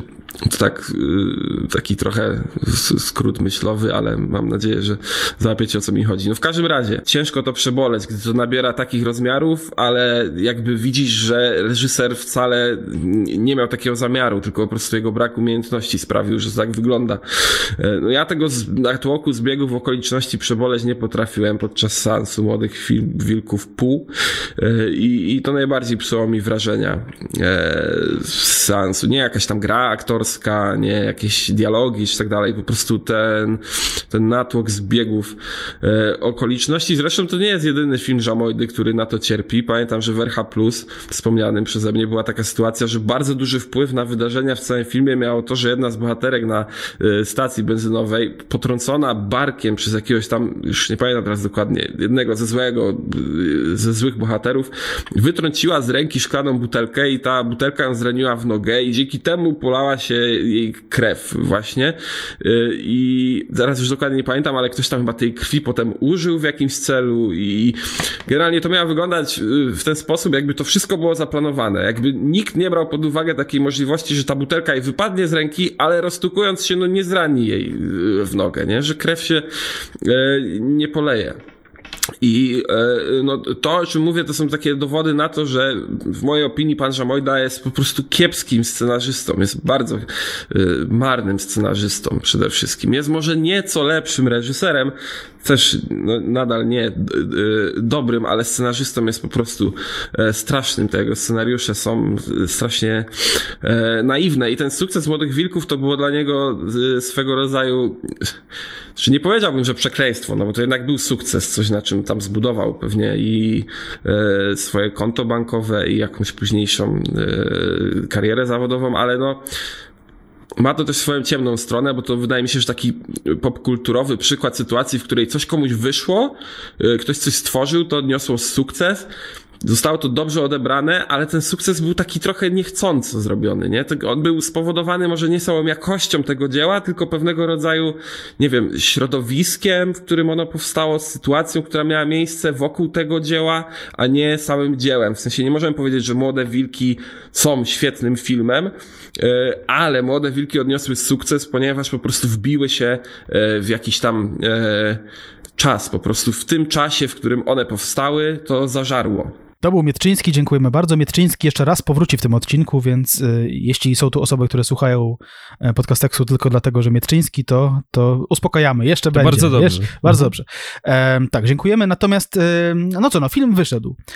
E, I co się wydarzyło dalej? I jest to, muszę powiedzieć, coś, dla mnie coś nieoczekiwanego, bo ja szczerze mówiąc nie wiedziałem o tym, dopóki się nie zająłem e, tym tematem bliżej w związku z tym odcinkiem. Mianowicie okazało się, że film się sprzedał jak popierdolony. Film, się sprzedał, jeśli chodzi o liczbę sprzedanych biletów, jeszcze lepiej niż jedynka. Co jest dziwne, szczerze mówiąc. Po pierwsze dlatego, że 98 rok już tak się przejęło, że, że, że, to już jest po killerze, a killer to jest symboliczny koniec kina bandyckiego, tak, że, że, że polski widz już nie jest zainteresowany tym, nie jest zainteresowany tym małopowaniem zachodu. A to proszę bardzo, na film poszło ponad 600 tysięcy osób, e, co jest dziwne też o tyle, że to był bardzo dobry rok dla, e, dla, dla kina zachodniego. E, I trzeba powiedzieć, że on nie przebił oczywiście Titanica, ale stanął na podium mm -hmm. z mhm. Titaniciem w Polsce, więc i, i, i co więcej, jakby tak to rozkminić głębiej, Młode Wilki jedna druga pojawiły się w kinach pomiędzy Killerem i Titanikiem i mimo to dały radę. Tak? Możemy zakładać, że ludzie nie mieli wtedy jakoś super du dużo kasy na chodzenie do kina, a jednak ten, ten e, e, Żamojda e, skusił e, ich e, na to. E, I na przykład, nie wiem, jeśli chodzi o filmy, które, które poradziły sobie w polskim box office słabiej niż, niż Młode Wilki jedna druga, to możemy tu wymienić na przykład Obcego Przebudzenie. No kurde, wielka franczyza, a tu proszę bardzo, poszło 470 tysięcy osób, nie? Szeregowca Rajana w ogóle, what the fuck? To, to jest takie, jeszcze takie super kinowe doświadczenie, mm -hmm. nie? I poszło, poszło mniej osób. Um, godzi na Godzillę poszło mniej osób, więc, więc Młode Wielkie jedna druga poradziły sobie jeszcze lepiej niż jedynka i muszę powiedzieć, że trochę mi E, spadły kapcie z tej okazji, jak się dowiedziałem o tym. A nawet nie miałem na sobie kapci już. Raz mówiłem ten żart kiedyś, nie? Chyba tak, ale jedziemy. ale jest świetny. On jest świetny, więc powtórzę go. Pamiętajcie, to jest 70 któryś tam odcinek, więc my mamy, my mamy po 15 żartów, musimy czasami po prostu wracać. Żonglować. Do tego wszystkiego. No tak, no, tak jak wspomniałeś, wielki sukces frekwencyjny, a więc finansowy, a więc wydawałoby się, że kariera Jarosława Żamojdy, no będzie się rozwijać fantastycznie, no przecież takie popularne filmy kręci. Nie było tak do końca. Ha, powiem więcej, nie było tak w ogóle. Oczywiście Jarosław Żamojda miał plany takie, no, dalekosiężne i ambitne. Chciał między innymi nakręcić Krzyżaków gdzieś w okolicach przełomu tysiącleci. Na podobny pomysł wpadł Bogusław Linda, bo czemu nie, więc tak swoją drogą, wracając do y, perypetii y, filmowych całkiem niedawnych, nie pomyl filmów, jakby kurwa wyszli wtedy Krzyżacy, Żamojdy i Lindy i to by ja był pierdolę. pojedynek. Co by to, to by zmieniło w ogóle historię Polski, nie? Jeszcze Holland chciała wkręcić tak, Krzyżaków w tym samym Holland, czasie. No. Jakby cała trójka nakręciła. Tak. Nie? Wow. Ja pierdolę. I potem i, i w 2020 którymś maratony filmowe Krzyżaków od Aleksandra Forda, potem Żamojda, Linda i Agnieszka Holland, pomysł na Sylwestra to by było niesamowite. Jakimowicz jako Zbyszko? Totalnie. Totalnie. I kto jako Ulrich von Jürgen? Może Alex Murphy, skoro Nie tak, wiem, ale już... nie, Alex Murphy, Alex Murphy na pewno jako Zawisza Czarny. Um, po, po, pierwsze dlatego, że musiałby zagrać u Żamojdy i zostać zabingowanym, a, a po drugie dlatego, że no czarny, więc mm. e, tutaj chodzi oczywiście o, o ksywkę. E, muszę tutaj dodać, że dalsze, da, dalsze losy Żamojdy chyba ucieszyły polskich krytyków filmowych, którzy, o których nie wspomnieliśmy. Tutaj nie będziemy się jakoś rozwodzić nad tym, e, jakie były te recenzje. No, Mówiąc krótko, krytycy się zesrali na ten film. Znaczy w sensie na Młode Wilki jedna druga, zesrali się na dwa, dwa późniejsze jego filmy, o których zaraz opowie też troszkę Mietczyński. E, I e, to jest coś zabawne, że w dwóch recenzjach, które znalazłem, znaczy jedna to jest recenzja Bartosza Żużowieckiego, a druga, drugi tekst to jest e, felieton Bożeny Janickiej w kinie, to da się znaleźć ten taki motyw pod tytułem, że być może Młode Wilki jedna druga będą jakąś tam e, e, inspiracją do, do, do, do jakichś strasznych rzeczy, które, które, które będą robili młodzi ludzie, którzy obejrzą ten, e, ten film, nie? To jest dość zabawne w kontekście inby wokół e, singla Myslowic, e, bo to jest kolejny ten element budowania mm. tego, że kurde, te filmy są takie brutalne i są dla dzieci i cholera wie, co z tego będzie, nie? Więc, więc, więc tak. No ale mówiąc krótko, krytycy bardzo tego filmu nie polubili i też wytykali mu dość przytomnie rzeczy, które wytykaliśmy temu filmowi my w tym odcinku, nie? Czyli generalnie brak czytelności i, i, i bardzo duże luki narracyjne, nie? Tak jest, no nic dziwnego właśnie o tej filmografii dalszej dalszy Jarosława Żamojdy również wypowiedział się nasz gość, czyli Mietczyński, więc posłuchajmy i za chwilę wracamy. Pan Jarek to jest zdecydowanie jeden z czołowych e, reżyserów, jeśli chodzi o kręcenie najgorszych polskich filmów. On właśnie po sukcesie tym, e, tych pierwszych Młodych Wilków tam w 95 roku popłynął trochę na tej fali i wyreżyserował, ile się nie mylę, jeszcze cztery pełnometrażowe tytuły. E, płynął na tej fali dość długo, tak z dekadę albo i, i lepiej. I no, każdy z tych filmów trafił potem do mojego programu, czyli z tych filmów, które zrobił już po tych pierwszych Młodych Wilkach. Na przykład Sześć dni Strusia, jego reżyserii, to jest zdecydowanie no, jeden z najlepszych, najgorszych polskich filmów w mojej opinii. Jeśli ktoś lubuje się w takiej rozrywce polegającej właśnie na szyderczym oglądaniu złego kina, to jest to pozycja zdecydowanie obowiązkowa. RH Plus i skorumpowani również jak najbardziej się do tego nadają. Skoro jesteśmy przy dalszych losach naszych tutaj dzisiejszych bohaterów, no to kto? Jarosław Jakimowicz, no. E, znowu, tak jak przy Żamoidzie, dwa może nie świetnie przyjęte filmy, bo tutaj oczywiście ten kontekst y, recenzencki jest y, dosyć znamienny, no ale jednak mm, chętnie mm, oglądane filmy. No i jak ta kariera się dalej rozwija? No w pewnym sensie srak tak naprawdę, no bo jeżeli ograniczymy tutaj mm, ten temat do filmów pełnometrażowych, no to e, różnie, ale to za chwilę wiadomo, że Jarosław Jakimowicz dostał swoją postać w Złotopolskich, był czarnym charakterem, Arturem Lenartem, no właśnie, w końcu zagrał takiego prawdziwego złego. Grał też w Klanie, był, a to jest ten sam rok, co premiera Młodych Wilków, jedna, druga, 98, Gwiezdny Pirat, to swoją drogą chyba lubiany przez nas obu taki e, feriowy serial. Chyba w trakcie odcinka o Sagali się zorientowaliśmy, że powinniśmy nagrywać o Gwiezdnym Piracie. Tak, tak było, ale zachęcamy do sprawdzenia tego odcinka. Jest on dosyć, dosyć dziwny, no i w tym, że Gwiezdnym Piracie no, zagrał tak naprawdę rolę tytułową. On tam e, funkcjonuje na no, powiedzmy w dosyć specyficzny sposób, tak? No, w dużym skrócie zapierdala na wirtualnej jakiejś desce surfingowej e, przez no, jakąś po prostu międzygalaktyczną przestrzeń, mm -hmm. ale mhm. fakt jest faktem, tak? Było to coś, co na pewno robiło wrażenie na e, tam, nie dziesięcioletnich, no chyba głównie chłopakach, to dosyć chłopacki serial, ale, ale czemu nie? W srebrnym stroju i to jest, no właściwie polski Silver Surfer. To jest nawiązanie ewidentne tutaj. No właśnie, no srebrny surfer u nas nie nie był jakoś bardzo znany, znaczy dalej nie jest jakoś bardzo znanym e, superbohaterem, ale przecież mamy srebrnego surfera w domu. wiadomo, wiadomo, czym się teraz zajmuje. No ale tutaj ciekawy przypadek, bo po Młodych Wilkach jedna, druga zagrał w miniserialu Sposób na Alcybiadesa e, Alibabę, a potem pojawił się film pełnometrażowy, tak, utkany z tego serialu pod tytułem Spona. E, pamiętam, że była tam taka, o, taka młodzieżowa rapowana piosenka i padały tam słowa jedyna przeszkoda to twoja gowa.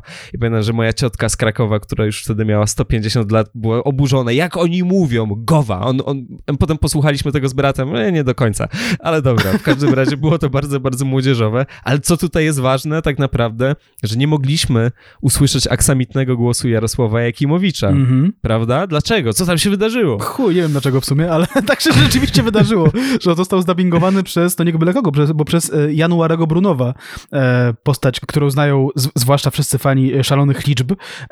No jest to piękny głos, jest to głos chyba piękniejszy, nie wiem czy za to nie będzie pozwu, ale można powiedzieć, że jest to ładniejszy głos niż głos Jarosława Jakimowicza.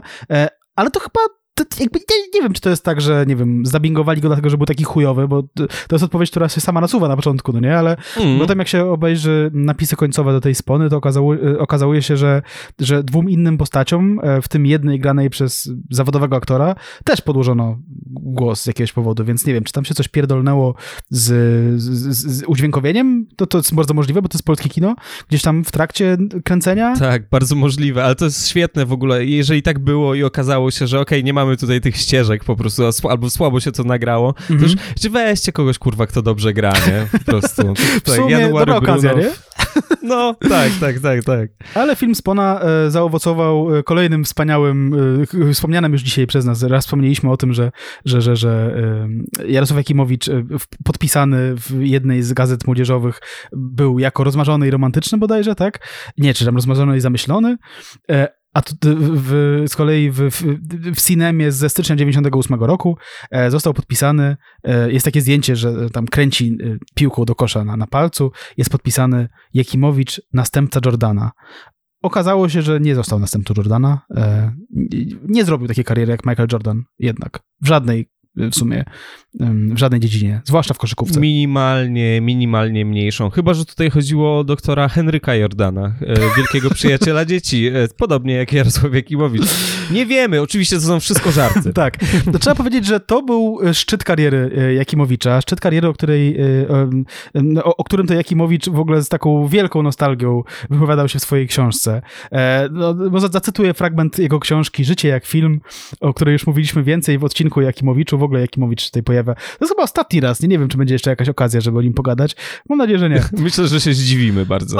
Może tak, ale tutaj cytuję, uwaga, fragment e, tej e, nieprawdziwej, e, nieautoryzowanej autobiografii Jakimowicza. Mm -hmm. Dla wielu byłem w Polsce postacią numer jeden wśród młodzieży i zaczęło się. Plakaty, wywiady, okładki czasopism. Cała prasa młodzieżowa pisała o mnie. Brawo, girl, popcorn, dziewczyna. Byłem bożyszczem. Nie, nie, stop, nie wymyślam, tak naprawdę jest napisane w, ty, w, ty, w tym tekście. Ale to prawda, no. To prawda, to prawda. I cytuję dalej. I wychodzi na to, że handlując w dzieciństwie powycinanymi z brawo plakatami, zrobiłem sobie tak zwaną mapę marzeń. Nagrodę dla najlepszego aktora zdobywało się na drodze głosowania czytelników. To nie były czasy telefonii komórkowej. Na mnie zagłosowało 40 tysięcy ludzi. W tamtych czasach tyle osób musiało wstać z kanapy, wyjść z domu, pójść na pocztę, zapłacić za znaczek i kartkę oraz wrzucić ją do skrzynki ale on tęskni, nie? Ale on by chciał tam być dzisiaj. Jacie, nie? No morda, no też byś tęsknił, no kurde, no jest no. za czym, jest Miałem, za czym. Przepraszam, jeszcze dalej, w innej części książki. Miałem swoje występy w aulach czy na salach gimnastycznych wypełnionych po brzegi uczniami. Umawiano mnie na ósmą, dziesiątą, dwunastą jednego dnia. Ależ on by tam chciał być, kurczę. Słuchaj, no pełna sala gimnastyczna to nie to samo, co tam spotkanie klubu Gazety Polskiej czy coś, nie? No to jednak, wiesz, no... To są ci sami ludzie z tej sali gimnastycznej. ale wiesz, on też przyznaje, że tam po prostu dorośli ludzie mówią, o, ja się, ja się wpadł kochałem sen. Jako, o, oczywiście klasyczny żart polskich rockmenów, tak, że przychodzi pani z mhm. wnukami, mm. nieważne, jebać ich. E, w każdym razie, no tak, ta kariera, wiadomo, co się z nią wydarzyło, więc nie ma tutaj co poświęcać temu nie wiadomo ile czasu, tym bardziej, że gadamy już rok, natomiast e, no wspominaliśmy, ale chyba tylko gdzieś tam ukradkiem przy okazji e, odcinka o Młodych Wilkach, o Młodych Wilkach, część trzecia, bo to są jakieś perypetie, które się już mm, chwilę ciągną, tak? W 2014 Jakimowicz zapowiadał, że w 2015 ta trójka powstanie, potem była mowa o roku 2017, tak? Mm, Szwedes, Jakimowicz i Żamojda już byli podobno w pełnej komitywie, ale po drodze się jednak pojawiły jakieś problemy, jednak Jaki Żamojda chciał ich wychuśtać. Cholera wie, kto jest tak naprawdę tutaj uprawniony do tego, żeby mm, ten film nakręcić. E, w w zeszłym roku Piotr Szwedes udzielił takiego wywiadu po jednym ze spektakli teatralnych. Udzielił go Pudelkowi, ale tej takiej pani, przepraszam, nie pamiętam nazwiska tej, tej pani z Pudelka, ale ta pani jest tak zawsze doskonale niezaangażowana. Ona no, przychodzi, jakby zadaje te pytania, ale żadnych emocji nie widać na, na jej twarzy i tam Szwedes mówił, że no, jak już wygaśnie ten konflikt w Ukrainie, no to można się będzie tym zająć, ale potem się chyba pojawiły jakieś kolejne problemy, to znaczy no na pewno oczywiście nie jest jeszcze to ten moment, jeżeli jakimś tam warunkiem ma być koniec wojny rosyjsko-ukraińskiej, więc cholera wie, mm, jak będzie. No i tak, wydawało się wcześniej przy okazji jakichś takich jubileuszowych spotkanek, e, nie wiem, tam w śniadaniówkach, że tam Szwedes i Jakimowicz są w takiej pełnej komitywie, że to ziomki po prostu, a to takie chłopaki, dużo tam chłopaczkowania w tym wszystkim dało się wyczuć, ale mm, e, Szwedes zapytany przez panią Spudelka o poglądy Jarosława Jakimowicza, no troszkę się wił, to, to znaczy wypowiedział się w elegancki i dyplomatyczny sposób, tak bym to nazwał. Nie? To samo pytanie, albo podobne, zadane Pawłowi Delongowi, znaczy po prostu zapytano go Jakimowicza, no to Delong e, znaczy dobra, no chciałem powiedzieć, że się nie pierdoli. No szczerze mówiąc, no też jest dyplomatyczny i powiedział bardzo delikatnie, że no okej, okay, uśmiechnął się ironicznie, kiedy usłyszał o karierze, kiedy powiedział o karierze telewizyjnej i tak dalej, ale to nie jest jakiś straszny diss, to co, to, co powiedział. Znaczy, umówmy się, Jakimowiczowi należy się całe jebanie tego świata po prostu, jeśli chodzi o, nie wiem, o pytanie o jego karierę współczesną. E, więc Dalong był tutaj naprawdę bardzo dyplomatyczny w swojej wypowiedzi ale że Jakimowicz jest Jakimowiczem, to wydarzyło się to, co się wydarzyło, czyli Jakimowicz, usłyszawszy tę delikatną krytykę pod swoim adresem, napisał jakiegoś, ja nie będę cytował tego gówna, nie? Zapisał nie, jakąś nie, nie. sążnistą po prostu posta w social mediach, gdzie, gdzie i wygrażał, i w ogóle jakoś tam homofobicznie się wypowiadał Paweł, o Pawle DeLongu. Straszne rzeczy, no naprawdę, to jest, wydaje mi się, że jak napiszesz taką rzecz i potem przeczytasz ją jeszcze raz, to wydaje mi się, że samo to powinno być powodem do tego, żeby może rozejrzeć się za pomocą jakąś. Bo ja rozumiem, że można się zdenerwować na to, że ktoś nie ma dobrego słowa na twój temat, tak? I, I, coś tam jakoś się uśmiecha ironicznie mówiąc o tobie, ale jeśli kurwa mówisz takie rzeczy o gościu, który przy okazji jeszcze w ogóle zrobił karierę aktorską w przeciwieństwie do ciebie, a tobie chyba zależy na tym, żeby wrócić do tej kariery aktorskiej poprzez Młode Wilki 3. A jeszcze DeLong dodatkowo powiedział w, tej, e, w tym samym wywiadzie, gdzie tam skrytykował Jakimowicza, powiedział, że no w sumie chętnie by mhm. zobaczy scenariusz, w sumie to zastanowi się, no bo, no bo czemu nie, nie? To ja nie wiem, no. No ale co, no Jakimowicz jest Jakimowiczem i mam nadzieję, że jeśli chodzi o kwestie zawodowe, albo przynajmniej kwestie bycia osobą publiczną, to będzie mu szło coraz gorzej na, na wszystkich frontach, um, włącznie z karierą e, aktorską. Taki jest Jarosław Jakimowicz, no on nie kalkuluje. Trzeba pożyczyć krzesło, żeby zdjąć flagę, a to on pożycza, proszę pana. No jak, jakby pan był prawdziwym mężczyzną, to by pan wiedział, a nie jakieś po prostu gadanie do mikrofonu. No tak to jest właśnie. Pogadaliśmy do mikrofonu, prawda? Koniec końców wszystko mm -hmm. i tak sprowadziło nas do Jarosława Jakimowicza, więc utknęliśmy w tak zwanym no, dziwnym, nie martwym, ale dziwnym punkcie. E, no to co? No, będziemy się chyba żegnać w takim razie. To było dosyć obszerne wydaje mi się, omówienie filmu Młode Wilki jedna druga, co też trochę pokazuje, jaką drogę przeszliśmy przez te, no co, niecałe dwa lata, bo jednak jedynka jest filmem nieco ważniejszym, yy, tak na poziomie pokoleniowym, filmowym i jakimkolwiek, a jednak ta nasza rozmowa trwała wtedy 12,5 minuty. Ale dobrze, myślę, że dobrze się y, stało. Żegnamy się i żegnamy się oczywiście tanecznym krokiem jak zwykle, ale przede wszystkim żegnamy się wdzięcznie.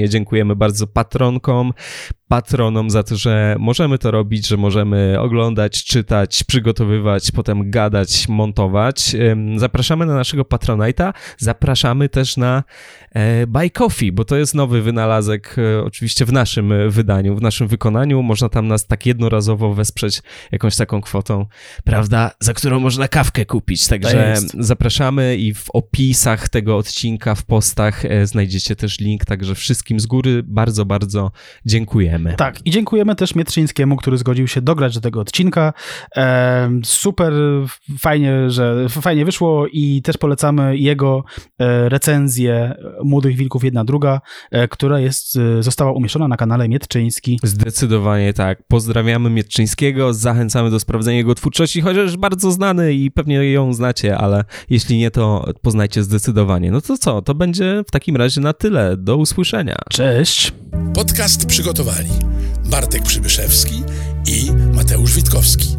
Czytał Tadeusz Drozda.